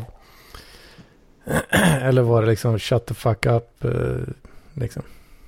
Var det trevligt eller otrevligt? Det var, alltså, det var inte otrevligt, men det var mer... Eh, det var mer eh, typ så här. Eh, ja, vi ser att du är intelligent. Du behöver liksom inte bevisa mer. Och se ett sånt där erkännande inför hela årskullen, liksom. Inför alla andra. Ja. Ja, men, men jag vet, det pratar man ju privat också, liksom, att du störde på det. Men det är inte så, lite så i USA att... Jag, jag, jag tänker ändå att plugget där... Nu, det, nu var det här antagligen på, på kusterna. Var det i Kalifornien kanske? Eller nej? Nej, det var i Seattle. Eller Ever, eh, nej, Olympia heter det. Ja, just det. Ja. Det känt för bland annat. Ja. Men, men ehm, vad heter det? Nej, nej men Hemstad. vad sa du? R.E.M. alltså? Ja. Ja, är inte de från Olympia? Det kan vara så. Det kan vara så. Evergreen. Evergreen. Ja. Men ehm, vad fan. Men det kan vara, jag, jag tror att det amerikanska systemet är lite så här att då, där har de en som vi säger elituniversitet och grejer. Så att alltså där är det mycket mer att USA är ett så stort land så att man vill ju ha det, alltså de som är toppstudenterna i en årskull. Eh, då finns ju den moroten att ja, sätter du toppbetygen och kommer det topp 15 Precis. i ja, då, då, ja, då får du ett stipendium så du, då kan du hänga i USA eller du kan hänga i Europa i fyra år om du vill det. Hålla på med och göra vad fan du vill. alltså de har ju så mycket Ja, som men just det här en jätte-win liksom. Men i Sverige är det ju väldigt svårt att Alltså om, om är man så när jag gick i högstadiet i gymnasiet i Värmland då är det väldigt svårt att säga, ja, sätter du toppbetyg i allting då, ah, ah, då får du det här, ja, då, då kan jag plugga ja, till ingenjör eller, eller läkare. exempel, det om du sätter då toppbetyg så kan du få plugga i Karlstad. Ja, kan man göra. Ja, men jag är är, Åh, vad de, är kul. så, de är så kvicka på att sortera in individer i olika grupper. Och det är någonting som vi är jätterädda för här i Sverige. Ja, ja, men det kanske är rätt. Jag vet inte. Jag vet. Nu, Men- jag bara måste säga det att, att eh, det kan verka som att jag framstår som någon besserwisser eller att jag sorterar in mig som en så här, intellektuell. Men, men så är inte fallet. Utan från min synvinkel är det bara det att jag, jag råkade liksom... Jag hade ett sånt här svenskt... En, en grej som är bra i Sverige det är att man, man, man inte... Det är uppmuntrande att eh, tala inför hela gruppen. Det kan ha varit så här att det är många som har varit blyga att tala inför alla. Och att eh, ge svar inf- i den här situationen där vi var på. Ja. För senare så blev jag ju liksom filtrerad in i systemet för jag gjorde inte så jävla bra på liksom de här språktesterna och de andra testerna och allt det andra. Men så För att du är en lat jävel. liksom- ja, det, det är jag faktiskt. Men eh, ni förstår vad jag menar. Alltså det, det var liksom situationen gjorde sitt också i till att det blev som det blev. Men händelsen och upplevelsen för, för hur jag tolkade det hela. Eh, det blev en rätt så tydlig, det blev en rätt så unik och färgad upplevelse för just mig. Ja, i, i klassrummet där. eller? Precis. Eh, Mm. Det var en, ja, ett klassrum kanske det var. Eller det var typ ett sånt där, ett podium kanske det heter. Föreläsningssal. Precis. Och jag, det, det kan mycket väl ha varit så här att jag var den enda som vågade att räcka upp handen och svara på de här frågorna som de ställde till publiken liksom. Eh, det kanske... Ja, alltså, det, det är ju rätt... Förstår ni vart, ni, vart, vart, Det- vart jag vill komma någonstans? Ja, Ja. Alltså, det är väldigt Ja. få som, eh, som eh, är ivriga i sådana lägen skulle jag säga. Ja, det är det ju. Eller ja, det, är det det är ett Baserar det på en svensk kontext då.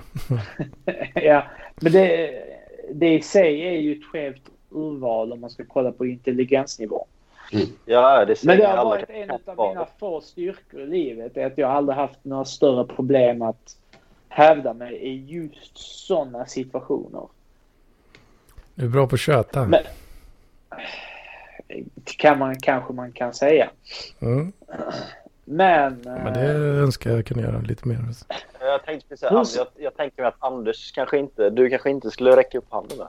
Du skulle sitta så här jämte Tord och du skulle kunna exakt alla svaren som han kan. Men det är han som så här, han räcker upp handen hela tiden och får den. Och sen så säger läraren bara, ja, men du, du är så smart och inte svarar mer. Så sitter du Exakt. jämte och bara, håll käften. Ja. Kunde Ja, allt, fast jag- Alltså jag, jag vet inte, jag har nog aldrig räckt upp handen i hela mitt liv i princip. Liksom. Eh, i, ja, det har väl hänt men eh, ja, det är fan inte ofta alltså. Nej, jag har inte heller mycket av en handuppräckare.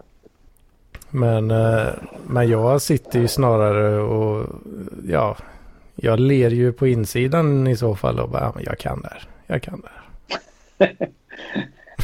I så Ja. fall liksom. Okej, men a- alltså om ni vill ha en, Jag är en sån som har räckt upp handen hela mitt liv. Och en tröst det som inte har gjort det. Det är ju att det har ingen korrelation med hur det är på arbetsmarknaden. För där räcker det inte med att räcka upp handen. Mm. Utan Nej. där är det mycket mer som ska till liksom om man ska hävda sig. Och där, och där liksom har jag inget... Där har jag inte lika bra track record så att säga. Om jag ska jämföra med eh, mina andra prestationer i uh, sådana omständigheter. Ja, fan om, om man ska dra någon, eh, min, min situation, eller vad man ska säga. Jag tror, jag tänker ju, eller under uppväxten och sådär. Jag har ju alltid känt mig som typ den smartaste i rummet liksom. Ja, det kan- Eh, Så retroperspektiv fattar att det inte, att det inte stämde riktigt. Även Ja. på mattelektioner och sånt. Men eh, alltså, ja, långt ut på landet liksom så var okej, jag är smartast bland eh, ett gäng apor liksom. Men eh, Ja. jag, jag har aldrig behövt, eh, jag behövde inte anstränga mig ett jävla skit liksom fram till, ja, fram en gymnasiet och började väl gå lite neråt sen, att man märkte av det. Och sen när man kom till högskolan så bara, ja, och nu är vi rätt nära gränsen liksom. Eh, För att man kan glida igenom det här utan ansträngning. Mm. Och, Oh, där, där har jag extremt stor, eh, en helt annan eh, historia än vad du har. ja, jag tror, jag tänker ju att jag har blivit rätt jävla lat på grund av det där liksom. Du har haft det enkelt. Du har haft det lätt för skolan och så. Ja, precis. lite Jag, jag, jag, jag, jag har ju aldrig liksom fattat hur man gör riktigt för att verkligen anstränga sig. Alltså, men ja. jag är en sån, jag har fått kämpa för att klara skolan. Mm. eh, Mm. hela tiden. Och det har inte gjort att jag har lärt mig att eh, anstränga mig på det viset. Alltså, det, Alltså- okej, så den teorin eh, fallerar lite där ändå då? Precis. Utan, så jag tror att det är någonting mycket mer som sitter i själva människan som gör det här att sätta sig ner och göra arbetet. För jag Mm. har verkligen... Jag hade svårt att klara grundskolan. Det var knappt så att jag klarade av det. Samma sak i gymnasiet. Det var knappt så att jag fick slut... Alltså, jag var tvungen till att ha en extra lärare som kom hem till mig en gång i veckan och lärde mig matte. Fan. Och sen var jag tvungen att gå på extra skola efter varje jävla eh, alltså skoldag i gymnasiet.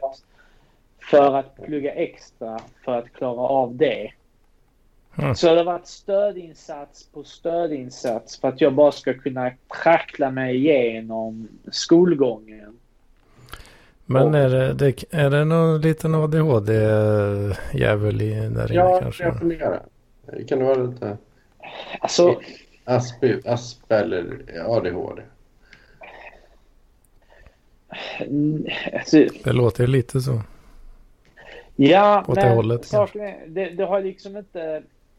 Mitt stora problem har varit att sätta sig ner och göra jobbet så att säga och förstå jobbet. Och det här med att förstå jobbet det har varit jättesvårt. Alltså, det var först när jag gick i sexan som jag insåg hur klockan fungerade till exempel. ja, just det. Ja. Men det har du sagt någon gång. Ja. Ja, Alltså det, det låter, jag, jag vet inte om det, alltså om du blir ledsen av att man skrattar där, det Alltså, låter ju jävligt kul. Jag, alltså. jag, jag minns väldigt tydligt hur livet var innan jag visste hur klockan funkade. Alltså det är en rätt så sjuk upplevelse nu när man kan klockan. Alltså hur livet är utan eh, den här eh, världsomvändande uppfinningen som är eh, mätningen av tid. Fan, det, alltså, det- det kanske är du Tord som borde ta över neandertalarkontot. Nej men alltså, och, och, och det liksom, det var först i eh, årskurs tre som jag förstod, eller nej fyran var jag gick om trean. Men det var i min andra omgång tre som jag förstod hur gånger funkade och jag började lite lära mig hur gångertabellerna fungerade. Mm. Men alltså det här att ha svårt i skolan, att det lär dig att jobba hårt, det, det är en myt liksom. För då hade ju liksom det är så många i samhället som har svårt i skolan som inte har lärt sig hur man arbetar effektivt och hårt Mm. så att det är liksom det, det sätter eh, punktering på den idén. Utan det är någonting som sitter mycket djupare i personligheten, i individen som eh, gör det där. Vissa har förmåga att utveckla det. Vissa föds med det bara. Så enkelt är det. Mm, men ja, jag vet inte, jag hade ju, nu känner jag väl kanske inte dig så jävla bra, men jag hade ju aldrig kunnat giss, gissa att du, att du har haft sådana problem. Liksom. Nej, men nu har jag ju kommit över det. Mm. Men hade jag liksom... Alltså det är ju en grej att ha kommit ut från andra sidan med att man är inne i kaoset så att säga. Mm. Jag hade aldrig klarat av att hoppa på någonting, en ny liknande utmaning. Och göra lika bra ifrån mig som någon annan. Och sen kanske, jag vet inte, min hjärna har kunnat förvalta det på något vis. Men... Eh, sen, men... Eh, jag vet inte vad jag har med att säga faktiskt. Ja, fan det, det blir någon halv, halvknas med ljudet här. Men, Ja, jag hör det. ja, ja. men ja, alltså min, eh, min story, eh, eller alltså som jag, jag tänker väl ibland på det liksom att Att man, eh, ja, det var inte så jävla utmanande under ganska många år. Och man kände sig on top of the world ofta liksom då, eh, på eh, ett tag. Eh, I den lilla bubblan ute på landet liksom. Och sen eh, ju äldre man blir och desto mer real shit gets liksom. Och man får träffa människor som lever i verkligheten. Så ja, okej, ja. Ja, kanske inte är så jävla smart liksom. Nej, men så- det kan jag känna igen mig lite grann i också. Och sen eh, då att, eh, ah vad fan. Jag skulle ju vara supersmart ju. Vad fan, varför är jag inte det nu då?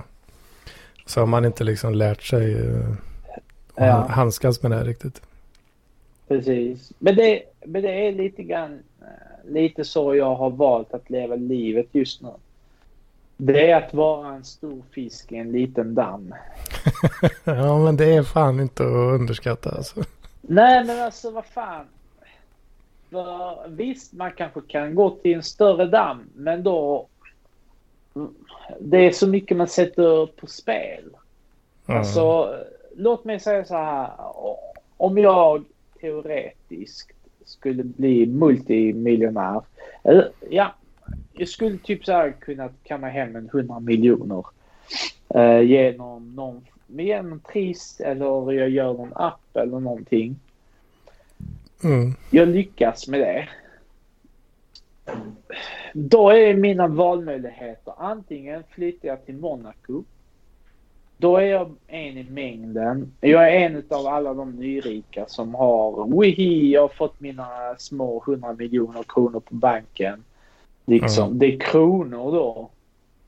Eh, och då ska jag vara där och kukmäta mig med de andra miljonärerna som Mm. har 100 miljoner euro på banken.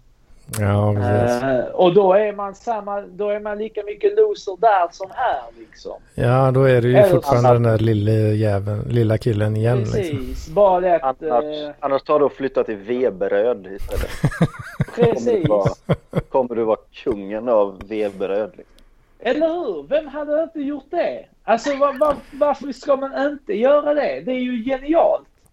Men är Bygger, det inte- bygger så jävla mansion där liksom så här mitt i så här Precis. villakvarter. Så bara vanliga så här mexitegelvilla och sen så sen kommer ditt eh, så här Ja. playboy mansion liksom. Man, man, man har störst kuk i byn. Alltså vem vill inte ha Men- det?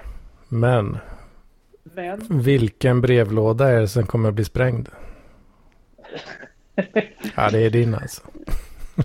ja men... Det är en... Jag vet inte fan. Men... Så man får balansera det här lite tror jag. Ja, men det, det går ju att hitta ett bra mellanting där alltså. Man, Mm. alltså. Men jag tror verkligen inte lösningen är ju inte att flytta till eh, Monaco och vara där och eh, Tro att man är någon... fäktas med de andra som är mycket smartare och mycket rikare än dig själv. Alltså då är man ju på, det, det är som att flytta tillbaka sig på ruta noll. Alltså Ja, då är det liksom goodbye. Vad fan, vem gör det? Ja, alltså nu, nu gillar jag i och för sig lite att försöka kanske utmana sig själv lite grann på det där. Men eh, Ja men där, om, om du är Eh. störst i, i Trelleborg alltså, hur mycket mer vill du komma? Alltså, eh, räcker det inte där? Alltså det, alltså jag, jag gillar ju det faktumet att nu, ja, nu när man är på det jobbet man är på liksom att ja okej, nu, nu, man är ju den minst, minsta, den minsta fisken liksom. Helt klart. Och det, ja men det, det känns lite kul också på ett sätt. eh, Och, ja men eh, få bli lite utmanad och sådär och lite nya perspektiv jo, ja, absolut. Men hur mycket vill Men, du bli eh, utmanad? Alltså hur mycket ja. pallar du bli utmanad när du sitter med 100 mille på banken? Ja, alltså det är lite annat. Där kanske man väljer den bekväma vägen. Om du sitter med 100 mille, Exakt. ja, då kanske du inte åker till Monaco och blir, och blir pissad på för att du bara har 100 mille. Liksom. Det kanske man inte gör Exakt. riktigt. Så det beror väl lite på, är klart. Men eh, ja, det hänger väl ihop lite med det. Men okej, eh, jag har väl insett nu att okej, man är inte så jävla smart liksom. Nej. det kanske nej, kan man vara är värt inte det. att, att acceptera det och försöka, försöka uppa nivån eh, ytterligare lite grann. Men är det inte bästa ifall ni eh, slår era påsar ihop och alla ni tre egentligen och bara utveckla ett användarneutralt socialt medium? Med, Ja, eh, vet- med Daniel vet du Lampinen vad? som Ja. Vet du vad? ja. Vet du vad jag har upptäckt eh, i dagarna? Det finns, eh, det finns free, free software för social media så man kan lassa upp en egen server. Mastodon. Ja, ja, Mastodont är ju också ett alternativ. Men det fucking, eh, fucking GNU Social. Ah, det har jag hört talas om faktiskt. Fan, jag blev lite sugen på att uh, svira ihop en sån jävel alltså. Men eh, Du, Diaspora, med faktiskt. jag har inte hört det. Diaspora, det fanns innan det var någon sån här ja, open source Facebook slash Twitter grej. Det kanske inte finns längre. Ja, vad fan, vad är det nu det är för någonting? Jag har hört ordet. Ja, jag, jag hade någon sån här för jättelänge sedan. Jag hade en eh, kakbaksblogg på Diaspora. Eh, jag hade en, eh, jag hade en ja, kompis, följare, vad fan det kallas där. En, en kompis där som eh, var han som tjatade om det. Eh, Åh fan. ja, visst, jag skaffade Diaspora så i mina kakor stod kort på dem och så la jag upp och så skrev min kompis där. Fan vad goda de ser ut. Och så, det var, det var min, det var mitt Diaspora eh, ja, för en, när det kan ha varit fem, sex år sedan någonting. Men Ja, jag vet det. inte, det, det slog kanske aldrig. Men det var också något sånt. Ja, Open source. men det här Ja. GNU, alltså GNU Social, eh, då, det är ju som federated software.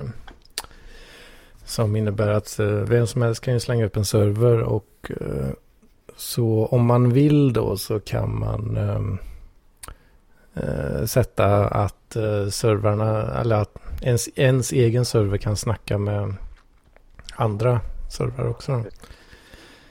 Mm. ska se här. Men svårigheten där är ju att få folk över. Alltså Ja, jo, jo. kan, kan vi få över hela Parkliv till uh, GNU Social? Ja, det är ju, Ja, men det, det är ju den enkla Ja, frågan. Kan vi det? ja, det är väl Ja, ganska tveksamt. eh, Precis.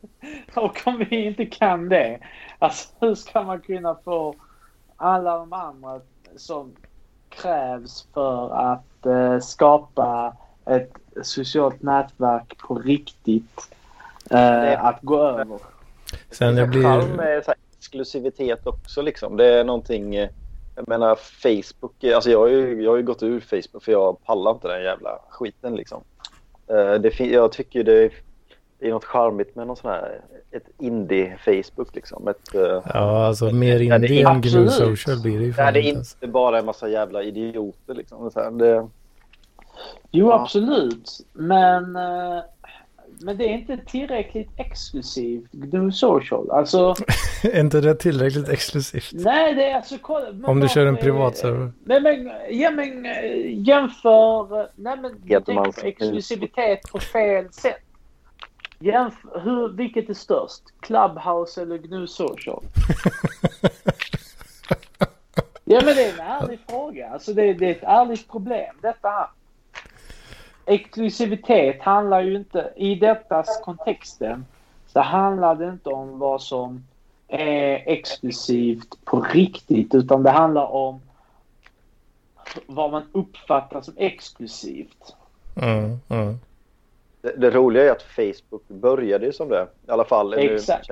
Min källa är den här eh, spelfilmen om Facebook. Där. Men där var det ju att han skulle, fick uppdrag att programmera liksom en Harvard eh, Contact eller någonting. Det var liksom hela grejen var att Ja, men det var är det... bara ja. att han går på Harvard liksom. Det är lite så här elitgrej då. Men sen blev det ju just tvärtom då. Var det inte typ så här skolkatalogen äh, möter äh, snyggast.se liksom?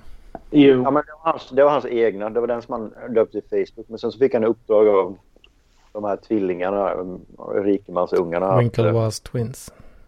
eh, Ja, Eller? att programmera. Ja, jag vet Japp. inte, men Mm. Att programmera ett så här ett socialt medie. Eller begreppet fanns inte men, men som bara gällde för, bara gällde för Harvard. eh. Mm. Och då började han göra det men sen så gjorde han till Facebook och sen så då är det därför de stämde honom för de menar att The Facebook, i Facebook. början var ju, det var ju det där Harvard Connect egentligen. Ja. Ja. Ja, jag blir... Med, med GNU Social. Jag, men alltså senaste Git-committen är typ tre år sedan. Ja, det är ju synd. Det är lite synd alltså. Men om du vill så kan eh, vi ju... Jag kan nog fixa upp en server någonstans som vi kan hosta. Då är det du och jag, Hed, Ja, som är, kommer ska, hänga på det här. ska vi ha en egen, eh, en egen kanal där? Ja, vi kan ha... eh, Det är bara du och jag på det här sociala nätverket.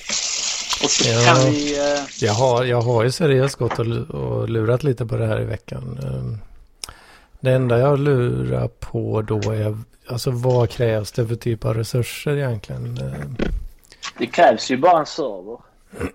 Jag tänker liksom lagringsutrymme, bandbredd.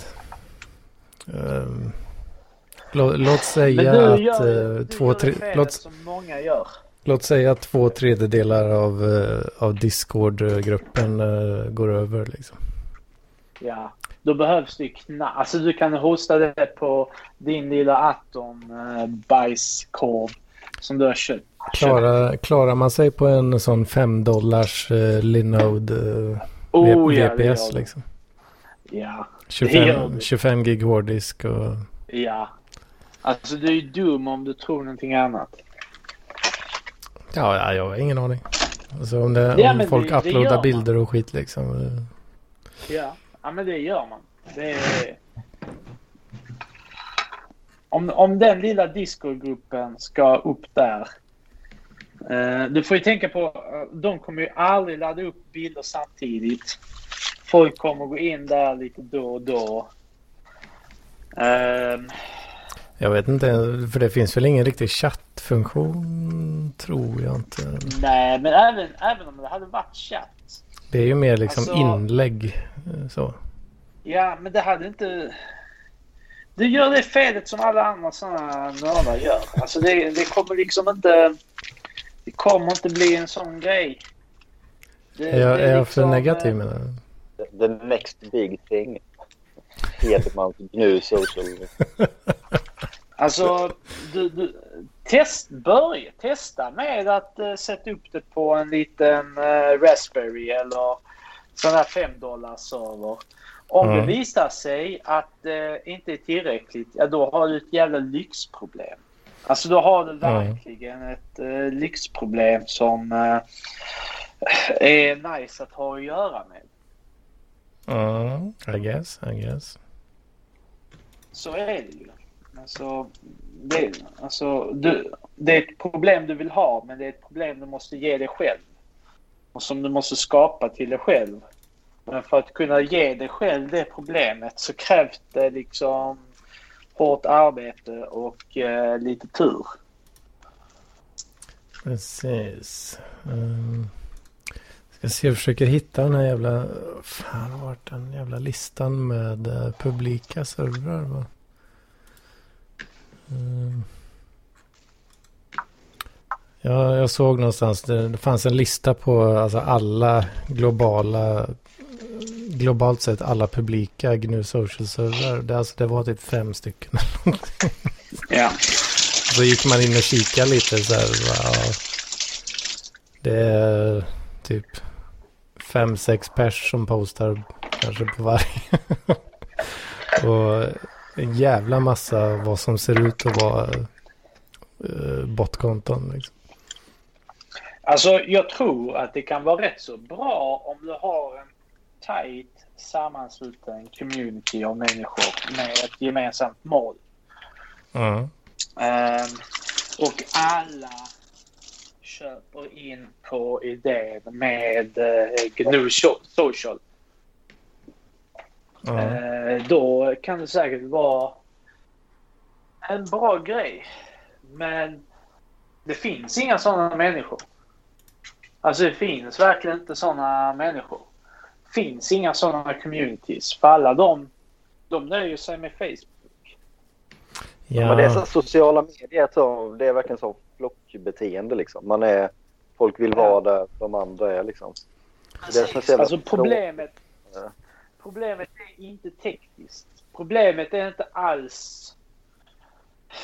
Det är allt annat än eh, tekniskt eller eh, någonting annat. Utan det är ju bara socialt.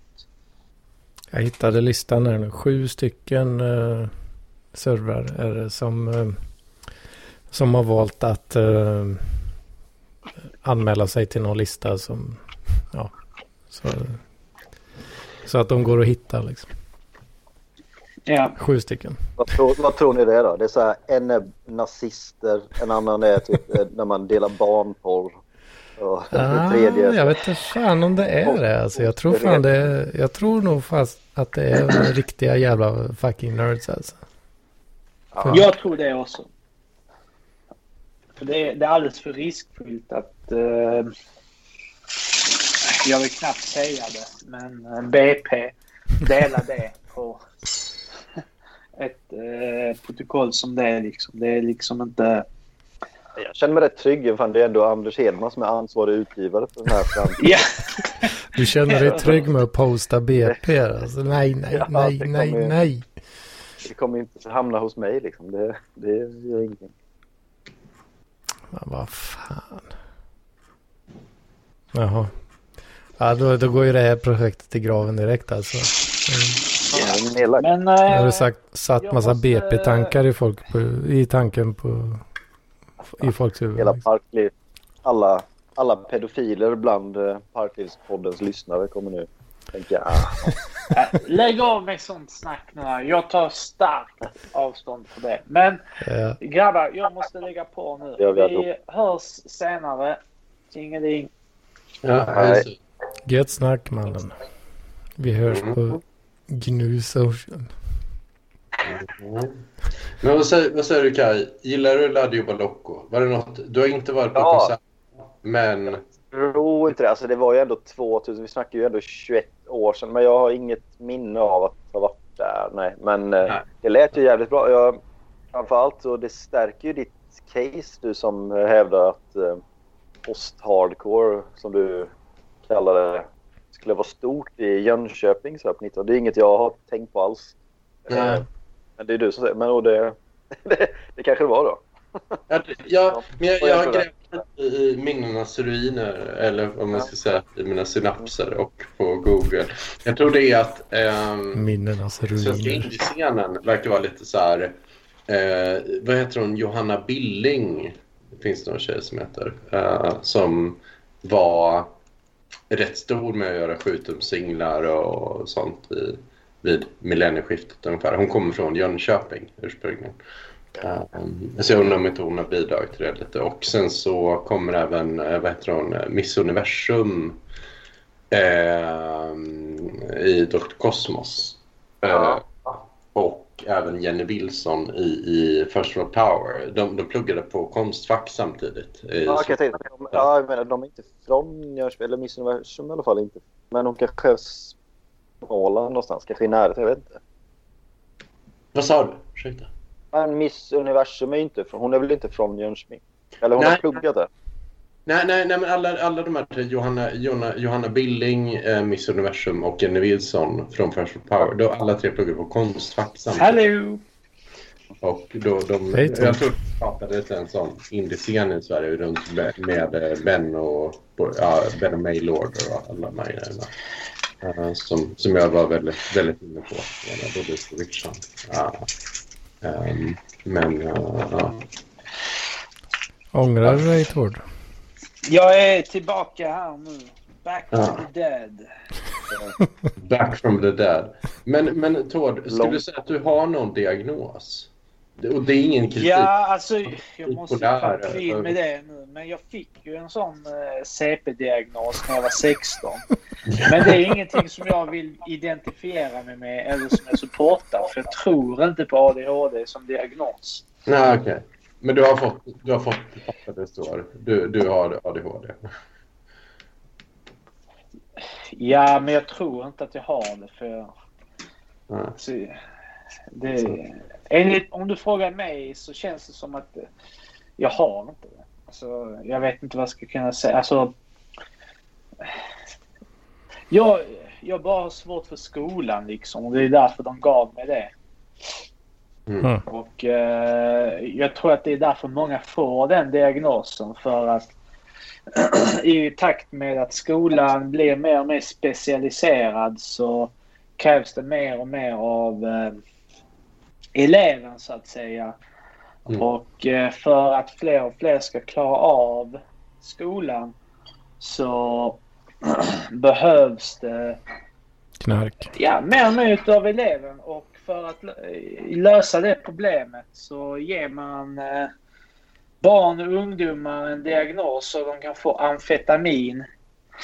Som sen gör så att eh, de kan eh, ja, kanske klara av skolan lite lättare. Medan om man förr i tiden då hade man bara accepterat att ja, skolan är ingenting för den här individen. Ja, han är dum i huvudet. Nej, inte dum i huvudet. Men bara det att ja, det är inte riktigt för eh, honom. Ja. Men Då skickar vi den här personen till fabrikerna och då hade man kunnat fått arbeta sig upp istället. Mm. Okej. Eh, ja, jag vet inte. Jag vet inte. Eh, Alltså jag tror att det finns ju en, Jag tror att det finns någonting som är ADHD. Men jag tror att det är, det är liksom... Det är överdiagnostiserat och eh, det är många som har fått diagnoser men som egentligen eh, de har de inte det utan det är bara det att de inte har kapaciteten för att hitta sin plats i det moderna samhället. De har Ja. inte kapaciteten Ja, för att det- bli det- en del ja, ja, jag i kugghjulet idag. Ja. Ja, det, kanske. Jag vet inte. Det beror på. Det är, man har ju helt andra vanor än man hade för 50 år typ, liksom med kaffe och nikotin och, och ja, jag vet inte. allt. Men det är som diabetes till exempel. Så liksom så här, jag vet inte. Det är, det är många sådana sjukdomar. Men, men om det, många kan vara struliga. Jag, jag, jag höll också på skolkat när jag var 16, 15, 16 och ville hem och sova. Så, så att eh, ja, jag vet inte. Eh, ja. Det, det är ju rätt många som har det när man är i den, framförallt killar i den åldern har ju det rätt ofta. Jo, och sen har vi, alltså det är flera lager. Alltså vi, hela skolsystemet är ju missanpassat för eh, killar så som det är idag liksom. Det är ju, det är, det är många eh, som är överens om det förutom de som inte är överens. Men... Försök eh, hitta en, eh, försök hitta en neandertalarvinkel på det här samtalet. Där. Det kanske är... eh, det går är att det- hitta. Är det det som är Alltså, jag- problemet? att att jag vi ska, vi ska identifiera folk som neandertalare istället och då, då löser, vi det på något sätt. Istället för diagnoser så är det liksom jag är neandertalare. Liksom. Eh, ni får, Nej, men inte neandertalare. Men det är bara helt enkelt vara ärlig med att nej, men jag har inte kapacitet för att hitta min plats i eh, det moderna arbetssamhället som vi har idag. Liksom. Det är liksom... Arbetet har sprungit i vägen för vissa individer. Det har blivit för specialiserat. Man har inte kapaciteten. Så enkelt är det. Och- det, det kommer bara bli mer och mer tydligare i framtiden. Alltså, förr i tiden då, då, kunde, då kom, kunde man ju anställa kärringar för att sitta och vara en telefonväxel. Idag så kan en dator göra jobbet. Men vad, vad, vad gör vi när en dator kan ta över jobbet för, alltså, för alla lastbilschaffisar där ute? Hur ska vi förklara det? Ska vi förklara det? Nej, vi är Väldigt tvungna att märkligt. sänka arbetstiden. Jävligt. Det är märkligt för jag hör, du själv låter två gånger. Det är något jävla konstigt med ljudet. Alltså. Ja, vad har du gjort? Jag har inte gjort något. Jag, jag, jag, jag faktiskt står i köket och gör sushi just nu medan vi snackar. Så jag har inte gjort ett piss. Ja. Men struten, Mm. vad har du koll på vem, vem det är som har eh, neandertalare Twitterkontot nu. Neandertalare? Va, eller varför ska du ha koll på det? Jag fattar inte. Nej, nej, men nej, nej, vi pratade om det innan du kom med i samtalet här. Det, Lampinens gamla neandertalar Twitterkonto har återuppstått igen. Men jag, jag vet inte vem det är som är admin där. Det är hemligt. Jag försöker luska lite. I, jag vill ta reda på det. Lampinen vägrar berätta vem det är som sköter Okej. Så det är Ja. med shoutout här till eh, lyssnare av den här podden. Det, Mm. ja, jag, vill veta, jag vill veta vem du är. Ja. ja, det är inte jag. Men, Nej, eh, okej. eh, ja, okej. Intressant. Intressant. Mm. Mm. Jag vill bara säga att jag, enligt 23andMe så ska jag ha rätt så högt eh, andel neandertalar-DNA. Högre än eh, 80 procent av alla som har gjort eh, ne- eh, 23andMe-testet. Högre än 80 procent. Vad hittade du mer kul? Jag ska göra det där testet. Jag, jag bett min pappa göra det. Men, jag har gett det med present. Men ja, jag har inte gjort det själv. Eh, han blev 100% svensk. Ja, det, det var, det var så runt, alltså 98,8 procent svensk. Så det var ändå inte så jättespännande. Um, jag vet inte. Vad- hittade du för kul grejer? Någon, någon jättespännande faktor? Mm, Det var väl det att eh, jag har judiskt blod i mig från min mors sida. Som var den största woho, eller den största wow-faktorn i det hela. Judiskt blod? Fan. Precis. Cool. Eh, och det var väldigt oväntat för det är ingenting som någon har vetat om i... Eller någon har ju vetat om det i familjen men eh, på senare tid så var det rätt så ny information. Eh, så det var ju lite spännande. Eh, så jag är ju 7 ashkenazi judisk. Men utöver det så är jag väldigt mycket skandinav. Ja, Ashkenaski. Fan vad coolt.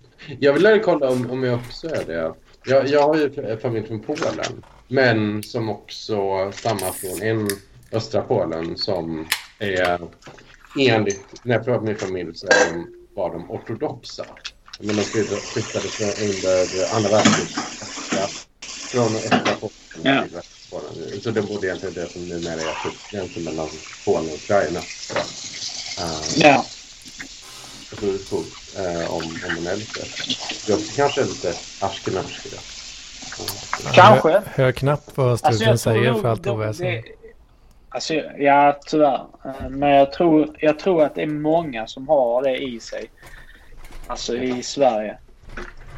Ashkenazi? Eller vad heter det? Ja. Alltså det är ju den europeiska branschen utav judar. Det finns ju så här Sephardic Jews. Och så finns det Ashkenazi Jews. Ashkenazi är ju typ europeiska judar. Sephardic är arabiska judar. Kortfattat Mm. kan man säga. Eh, så, men i och med eh, andra världskriget och hur många som flydde och så många som ljög om sin identitet. Så Mm. är det inte konstigt att det finns många med eh, eh, judisk DNA i sig liksom. Ja, ja, ja. Alltså det var ju många som Ja. sympatigifte sig med judar för att få dem till Sverige eller Danmark eller något annat sånt här eh, land så att säga. Så att säga. Mm, mm. Det, man ju- Det vore ju coolt om mm, kunna få fram det lite. Eh, men men i en, en min familj är de, jag har frågat det och då sa nej de, inte, de var inte judar men de var ortodoxa. Eh, alltså kristna. Mhm. eh, I eh, ja, i ja, i- ja, eh, Ser- Serbien och ja, Balkan. och- Ortodoxa. Det är nice. Orto, den också ortodoxa kristna kyrkan är, alltså, är mycket coolare tycker jag. än eh, Ja, den det, det är katolska. bräcklig liksom. Uh, Det är mycket mer mysticism som är coolare. Speciellt Ja. om du ska kolla på den syriska ortodoxa kyrkan. Så är det mycket så här eh, österländsk eh, mystik och eh, man nästan upphöjer Jesus till någon form av buddha-gestalt i många ikoner och liknande. Det är inte att... det- Ja, men det är kul. Men det, det är väl grejen med en ortodox är väl att de, de battlar ju lite mer med bland Buddha och Mohammed. På ett annat sätt än, än, än man gör i Europa. I Europa battlar, tror jag. Nu, nu, det lite. Men att just, eller i Europa battlar man ska vara protestant eller ska vara katolsk. Liksom. Men, Precis. men, eller lite andra eh, bisarra varianter. Liksom. Men, men där, där känns det där, där ortodox, då får man ju battla med buddhism och, och islam då istället. Då, kanske. Så. Men det, Ja, finns, eller det mindre. finns ju det inom det Alltså, det- ryska, så här, att, eh, meditation och så, alltså så här, mer åt kinesiska hållet som eh, också så här extrem så här, asketism, så här, eh, liksom eh, munkar som sig ut i skogen i tio år och sådana grejer. Det är en sån där grej. Ja. Ja, alltså, Ry- Rysk Det som är-. Precis. Alltså i Ryssland så fanns det en sån här ortodox sekt utav eh, munkar vars alla kastrerade sig själva med eh, alltså självmant med rätt så slöa knivar ute i skogen för att komma närmare Gud. Vad i Alltså, helvete. tänk er den, den nivån utav hängivenhet. Ja. Ja, det, Det det är galet alltså. Alltså det går inte att bli mer hardcore än så. Ja. Ja, det, det bräcker nog till med knutbuk kan man säga. Men... Ja, Men ja, nej, men det är kul. Ja, men fan, Ryssland är jävligt spännande. Alltså, det, det är liksom... Jag vet inte. Det är liksom både Europa men så... Ja. Ja, så det är ju... Eh, precis. Det är ju eh, alltså en länk mellan Europa och österländsk mysticism som möts i det ortodoxa på något vis. Och det kan bli Ja. rätt så coolt att eh, liksom så här utforska och se. Ja. Eh, ja, precis. Som jag sa innan, alltså det, det är många sådana här ortodoxa ikoner där Jesus framställs som ja, mer eller mindre någon form av buddha-figur. Mm. Och det är coolt att se liksom. För det, det ligger så nära och... Eh, eh, men samtidigt så är det rätt så... Vad ska man säga? Det är mycket mysticism i det hela som i det vardagliga västerländska är främmande för en. Mm. Ja. Ja, ja, men det... Ja, ja, men det är kul. Ja, ja, ja, det är väldigt alltså, Jag reser rätt mycket i gamla Sovjet. Inte i Ryssland, men i de andra. Georgien och även de muslimska länderna. så. Men, det, men ja, det, det är mycket, mycket coola grejer. Ja. Ja, idéer. Men eh, vad fan tänkte jag på? Um, eh, Ja, Tord vad du väsnas alltså. Ja, det är inte jag. det är jag. Det- Är det Kai? Nej, nej, nej. Jag gör fan ingenting. Men Kan de muta mig? För jag har händerna fulla här med laxbitar och ris. ja. Fan, det är så ett jävla oväsen alltså. Ja, men det ligger på dig, Hed. Det är du som är redaktionell utgivare här. Så du får muta mig om det inte passar. Men då blir ni av med mina hot takes här. Som, eh, Ja, jag gillar ju dina hot takes men vad fan, måste du stå och spola vatten? det är priset. Mm. Är det det som är priset alltså? Ja. Ingenting är gratis här i livet. Nej. Men eh, vad, vad tänkte du på? Um, jo, att... eh, Ja, nej, men jag har varit en del i... Ja, inte just i Ryssland, men, men i muslimska eh, gamla Sovjet. i Turkmen och Turkmen Afghanistan utan dock även i Georgien och Armenien. Som, men de är ju kanske ortodox. Så, ja. Ja. Jag, vet fan om... om, om jag, jag vill gärna åka till Etiopien också. Det var så här lång, lång. Det, det, de är väl... Jo, de är ortodoxa. Eller de har en egen kristen. Vad sa du? Egypten? Eh, Etiopien. Jaha, Etiopien. Ja, fan de har en jävligt intressant eh, koppling till det kristna. Eh, det är ju den en utav, jag tror, det är, det är vissa som inte håller med. Men det ska ju vara den äldsta kristna kyrkan som finns i världen. Ja. De har även egen variant av judendom där också. Liksom. Det är väldigt, eh, ja, väldigt speciellt land. Sen. Precis, det Eget- finns eget eh, alfabet etiopiska judar. Det, finns till, det står till och med om något sånt där etiopiskt bröllop i Bibeln. fan är nu det om? Det ska vara någon etiopisk kung, så, Solomon. Är det det? Jag Ja, ja, hon, hon gifte, sig, gifte sig med drottningen av Saba. Som är, Precis. som, man, ja, det är nog lite oklart exakt vad då, men det är en typ Etiopien. De, Ja. de, Men de de är, precis, och de är stenhårt kristna där i Etiopien. Och de har en extremt gammal kyrka. Eh, Mm. Och det är typ så här om du vill komma rätt så nära, alltså om du vill komma nära den ursprungliga kristendomen. Då är det där du kan titta, så att säga. Mm. Ja. Vilket som jag tycker är väldigt coolt. Ja. Ja, jag med. Jag med. Mm. Sen är det, ja, det är mycket... Ja.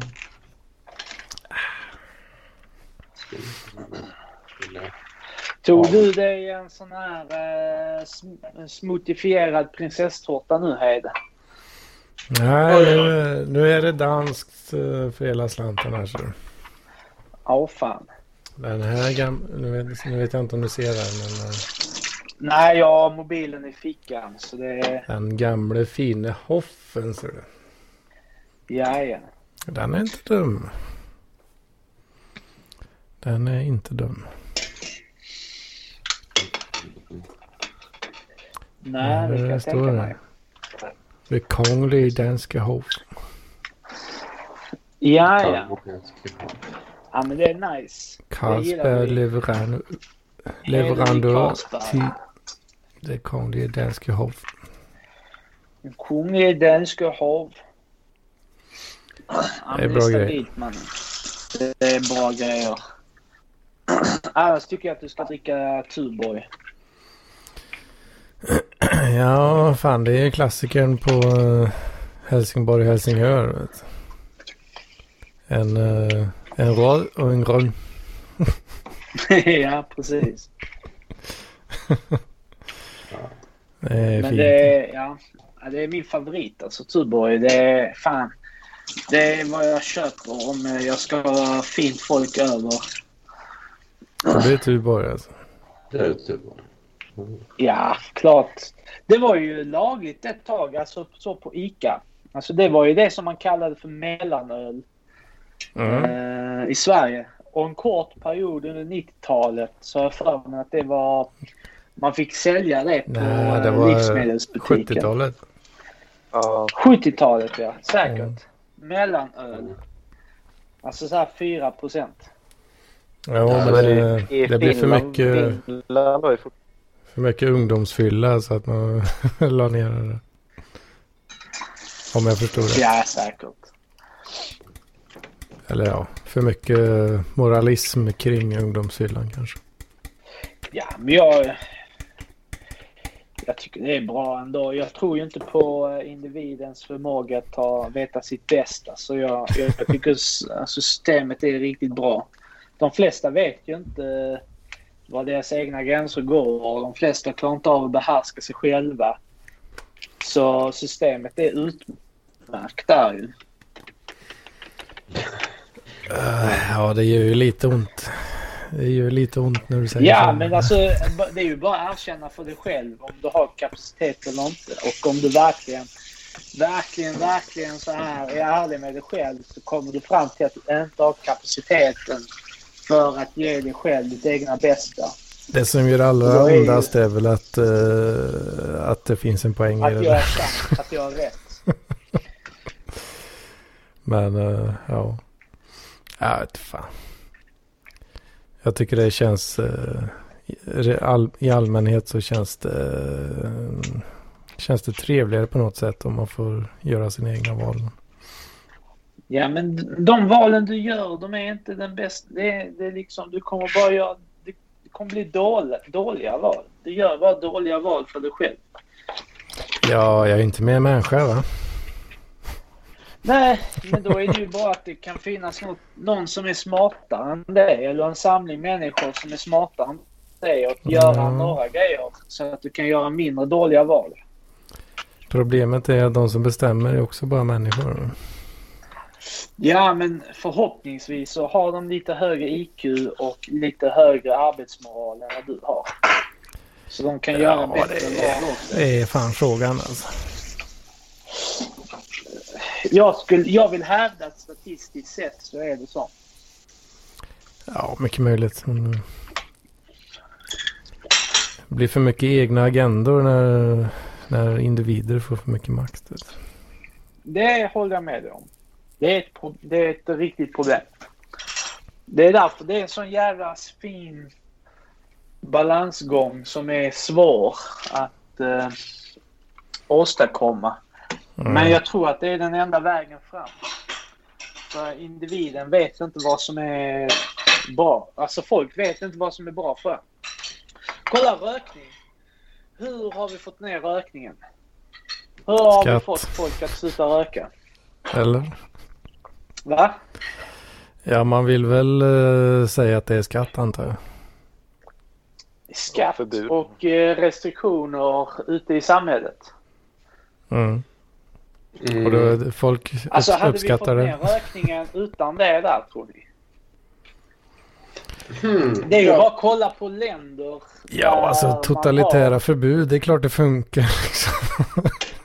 Ja men Eh, alltså kolla på... Ko, liksom. jämför... jämför Okej. Vilka länder tror ni röker mest?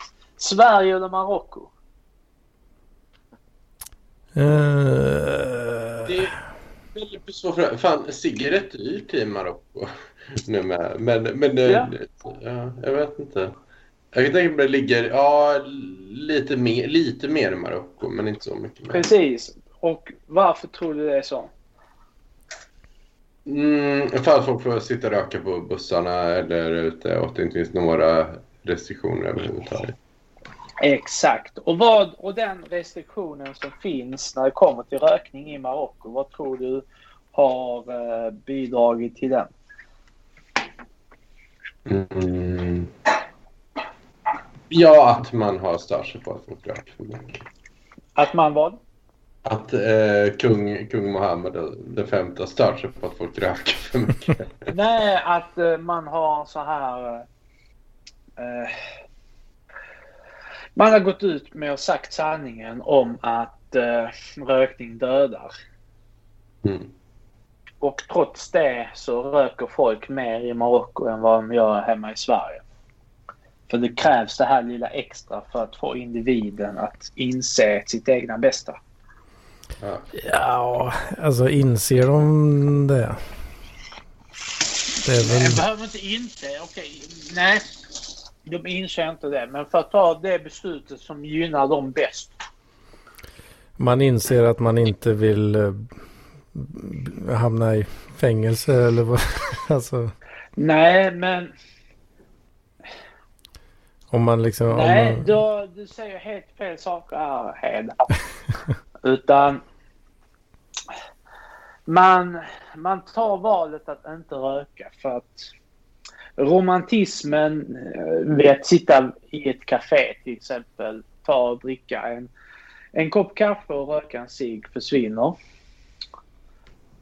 Den försvinner helt, vilket som är en del av beroendet liksom.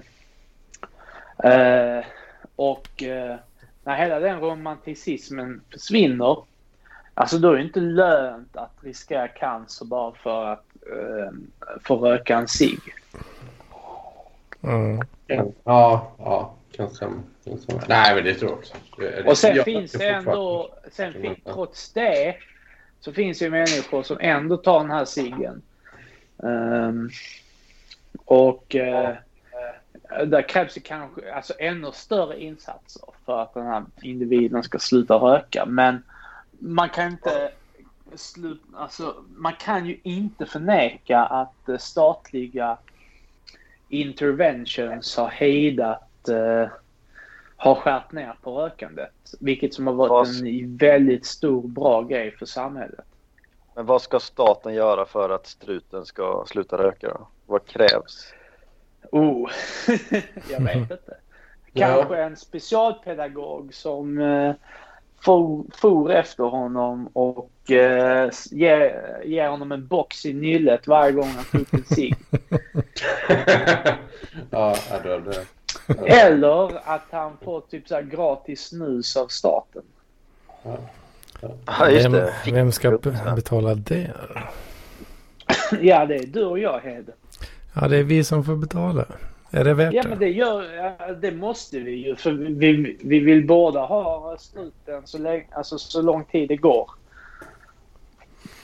Ja, vi gillar ju struten. Liksom. Precis. Ja, vad fan. Nej, jag får sluta med Nej, det. Det, det, det, är det är en dålig vana, men det är så jävla gott. Liksom.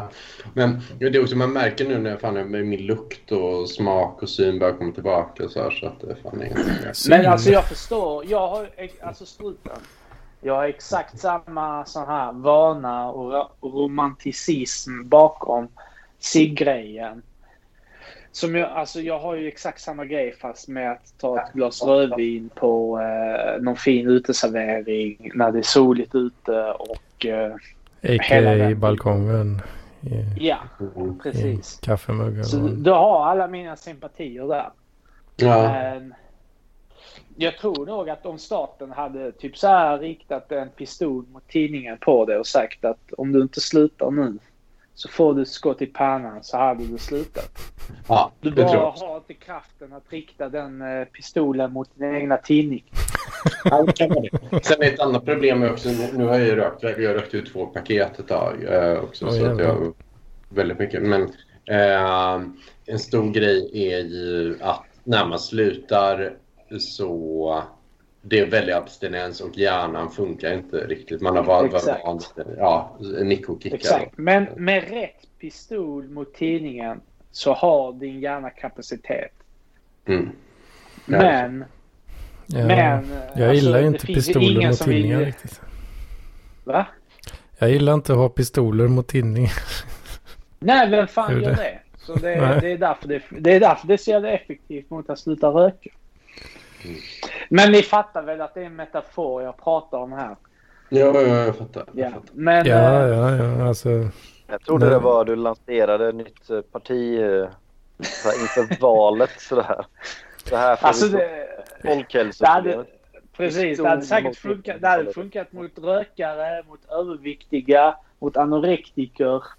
Man har typ så här agenter som går omkring med eh, automatvapen och riktar mot folk. Starta, starta upp ett nytt eh, socialistparti som, eh, som inte bara kör metaforiska pistoler mot tinningen utan vi, vi, vi kör riktiga pistoler. Vi skickar ut fucking agenter liksom. Som... Ja. Men summa summarum, metaforer åt sidan. Folk vet inte vad som är bra för dem. Och de behöver hjälp. Och man behöver hjälp att fatta bra beslut för att leva sitt bästa liv. Alla behöver inte den hjälpen, men tillräckligt många i samhället behöver den. Mm, mm, mm, men uh, ja, alltså jag föredrar information framför uh, metaforiska pistoler. Men alla har inte kapaciteten att ta emot informationen, tolka den och processera den. Ja, men då, är, fan, då är det ett lost cause ändå. Nej.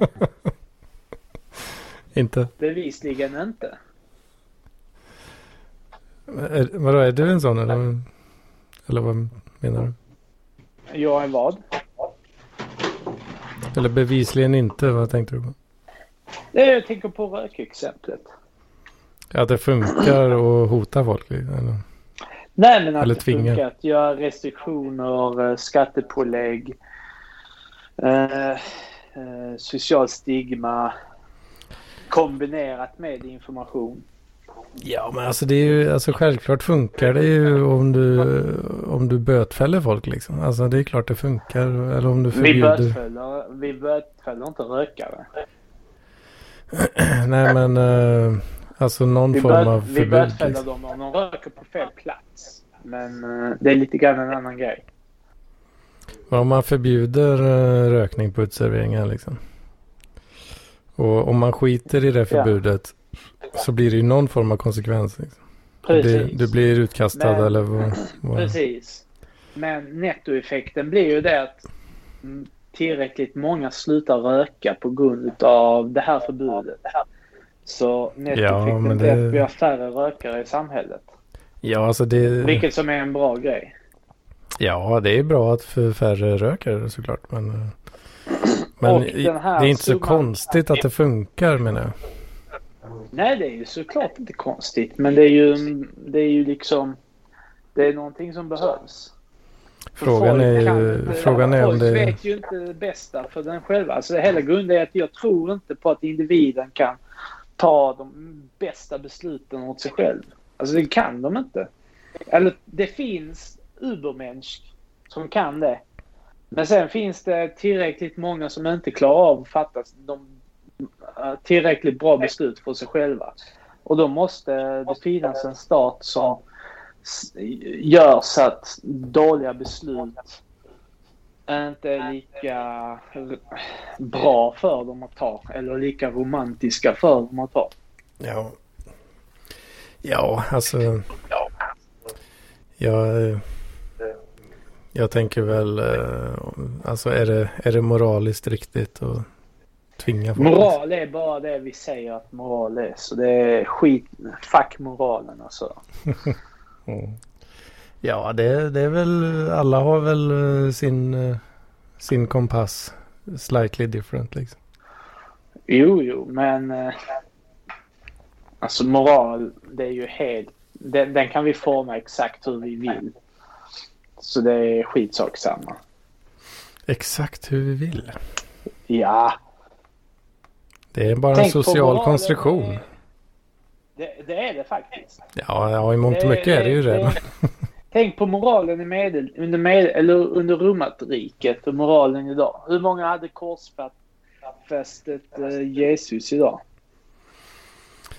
Eh, om, eh, om Messias hade visat sig och Ja, hur många hade satt han på ett kors och sen låtit han eh, dö och sen satt han i en jävla gruva. Så, sen, jag vet inte fan vad som hände sen. Ja, hur många alltså, hade gjort det idag? tortyr och mord och sådär. Det är ju det är vi ju ganska överens om idag skulle jag säga. Att det, det är ju Precis. moraliskt Men vi kan förkastligt. li- Men vi kan väldigt enkelt bli överens om att det, det, finns, det finns fall där någon stackars jude som får för sig att han är Messias.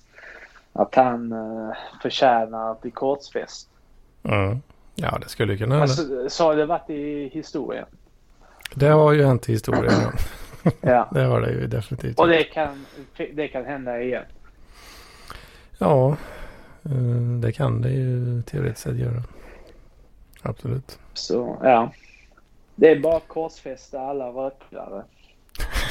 Man skulle, man Så- skulle i teorin kunna komma överens om att, det är, om att det är rätt och riktigt och moraliskt att eh, som du, som du Ja. säger korsfästa rökare. Ja, då, då liksom besparar vi så och så mycket pengar på cancerbehandling. Mm. det är ett Eller eller så kan man- man kan, ju, man kan ju vara så lurig så att man eh, inte betalar ko, rökrelaterade cancerfall. Men hur vet man vilka som är rökrelaterade eller vilka som bara har blivit födda med dåliga gener? Men sen har de, de har ju betalat så mycket tobaksskatt så det blir plus minus noll liksom. Ja, Det det är, så, det är ju så vi har löst det i Sverige Ja. Ja, under många år. Liksom. det är sant. Det är sant. Men Och det är rätt rimligt kan jag tycka kanske då. Men, eh, att På sätt och vis Om vi nu ska är det ha ju en- rimligt. Men ändå, man vill ju, alltså handen på hjärtat. Man vill inte att ens mormor ska dö av cancer. Lungcancer. Nej, det vill Eller man ju inte. far, eller man en ju inte. syster.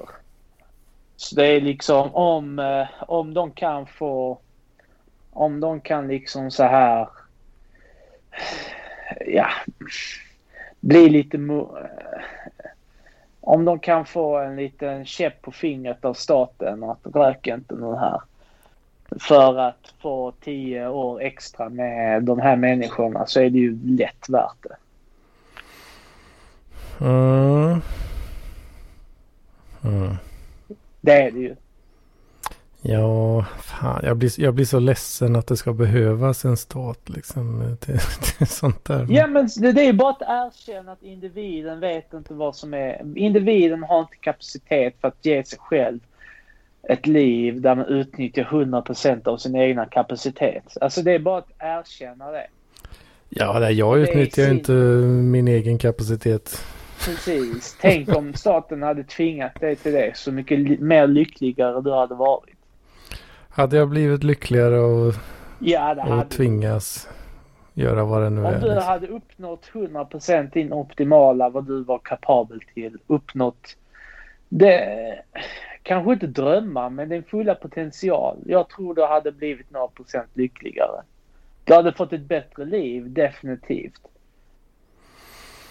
Mm, ja, bättre liv Om en kanske. tredje pa- Mm. part hade gått in och sagt det här och det här ska du göra och då uppnår du detta här och det är garanterat eller det är procentuellt garanterat att du blir att du blir en bättre människa av detta.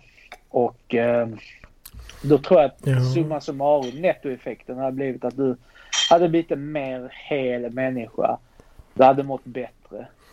Men när jag, ja, när jag surfar runt på internet så ser jag ofta olika så här blinkande giffar som det står garanterad eh, avkastning. Ja, men vad har det med saken att göra? Jag klickar inte på dem, jag litar inte på dem. Alltså. Nej, men tänk, tänk dig en framtid där man kunnat scanna ditt DNA och sett att om du väljer den här vägen så har du så här stor procent chans att uppnå din potential. Väljer du den här vägen har du så här stor potential. Eller chans att uppnå din potential, eh, bla bla bla. Och sen du har en vägledare som kan peka dig åt rätt håll. Hade inte det varit jävligt nice? Och sen en fri marknad som du kan utnyttja för att kapitalisera på den potentialen som du har blivit född med. Ja, det hade ju varit bra alltså. Eller hur? Men Det hade eh, varit jävligt nice. Och det enda sättet vi kan nå dit det är genom kapitalistisk innovation så vi kan starta, kolla igenom allas potential och upptäcka vad varenda människa har inom, det, inom sig för att kunna utnyttja och utforska. vi måste helt enkelt tvinga folk att... Och sen samtidigt ha en, ha en stark stat som kan ta och ta tillvara av denna potentialen som finns inom varje individ. Det hade varit fan ta med det bästa någonsin i hela mänskligheten. Så eh, staten eh, admi- Staten administrerar- marknad kan göra underverk. alla måste skicka in sådana här spot, eh, spot eh, samples till eh, Det gör vi 23andMe, redan. Det gör vi 23andMe, a.k.a. Google. Ja. Och eh, lassa in data i, eh, till Google. Och sen kommer sen- folk som struten gör någon nice algoritm till det. Som sen staten kan ta algoritm. vara på. Och sen så kan de allokera eh, vägar åt dig som du sen kan använda för att ta din plats på din fria marknad för att kunna eh, sen roffa åt dig så mycket kapital och så mycket självförverkligande för dig själv som du kan och Precis. sen kan du leva ditt, ditt liv som en självförverkligad, självförverkligande individ Och sen samtidigt även så har man bakat in i detta här någon form av att du kan bidra till din närmsta community. Någon form av kollektiv inom det där. Ja, precis. Så man, man lassar in sitt DNA och får något resultat på det här då. Blir tilldelad ett arbete.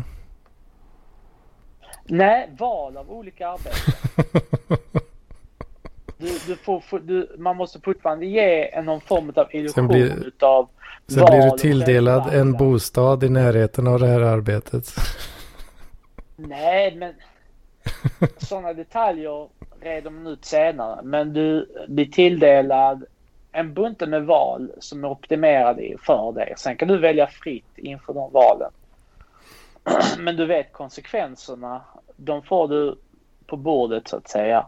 Utav ja, dessa valen. Du kan, du är helt fri att välja det här. Men om du inte gör det. Så. Då kan du välja det andra. Och då vet du vad som händer om du väljer det där. Ja, då vet du vad som händer. Ja, du väljer fel. Bra, Anders. Men Anders, då, då kör det blir, till Mars istället. Men det kanske blir så här. Flyg till Elon Musk eh, för Mars istället. Det låter fan. Ja, men det kanske blir så här. Ja, du får... det, det är det jag kommer få. Jag kommer få ja, ett val och det är att åka till Mars. Lyssna här nu. Lyssna här nu. Hyperbolt. Detta är väldigt hyperbolt. Men du får valen. Antingen blir du civilingenjör eller så blir du konstnär. Väljer du civilingenjör, ja då blir du skickad till eh, Elon Musks libertarianska paradis på Mars. Mm, mm, mm. Eller så blir du, eller så väljer du, ja men jag vill bli en konstnär som målar tavlor på jorden. Du får, detta får du på Mars, detta får, får du som konstnär på jorden. 5000 kronor. Båda är rätt så bra val för dig. Och, och, och så får du välja därifrån. Ja, just det. Vem ska finansiera allt det här roliga? Ja, eliten. Eliten? De som har... Men de skiter de väl i slummet? De, de, lyssna här nu. De som har kapaciteten att producera så pass mycket välstånd så att det sprillar, så att det svämmar över till oss andra. Trickle down effekten? Ja, fast lite mer kon kontrollerat. Precis, lite mer alltså påtvingat. Jag, jag, jag, tror ju full, alltså jag, jag, jag tror helt och hållet på en fri marknad. Det är den bästa mekanismen vi har för innovation och välstånd. Vi bara mm. måste hitta sätt att uh, göra så att man kan vända det till individers bästa möjliga ja, alltså jag, sätt att leva sina liv. Jag tror, jag tror jag fattar vad du menar faktiskt. Eh, alltså att det ska bli mm. lättare typ att eh, för folk att hitta sina strong suits liksom. Exakt. Men nu, mm. jag måste ta och käka lite sushi här nu. Men uh, vi, uh, vi hörs senare. Ja. Ha det så bra. Ja, hej, hej. precis. Hej. Då är, då är frågan om det... Har du något mer uh, Kai? Ja, du, jag zonade ut lite. Jag, jag hängde inte med här. Nej, jag, jag vet inte om jag hängde med riktigt heller. Men... Ja, men vad är det bara vi kvar? Har struten... Ja, det är bara vi kvar här nu. Uh, han gjorde så, han bara drog ur. Det kanske jag med borde gjort för halv någonting. Jag vet, jag... Ja, fan, vi har kört på bra stund här nu alltså. Ja, det, ja, shit. Det är kanske lite väl, lite väl långt avsnitt. Uh, nej, jag, jag har sagt allt mitt, allt, mitt, allt mitt budskap har kommit fram i det här avsnittet. Tror jag. Alla mina visdomsord alla dina budskap. Ja. Ja, vad fan. Det, ja. det, var, det var väl ganska, ganska gött snack ändå tycker jag. Ja, det var det säkert. du har inte lyssnat så mycket.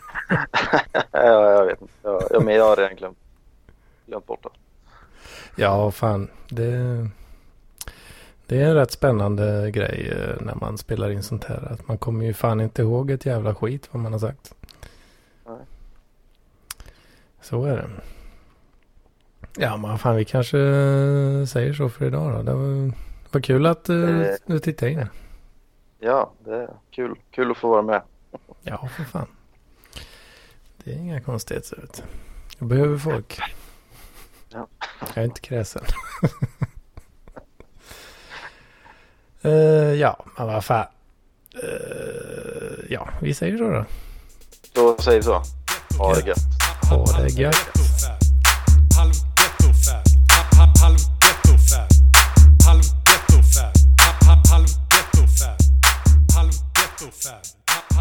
ghetto fab.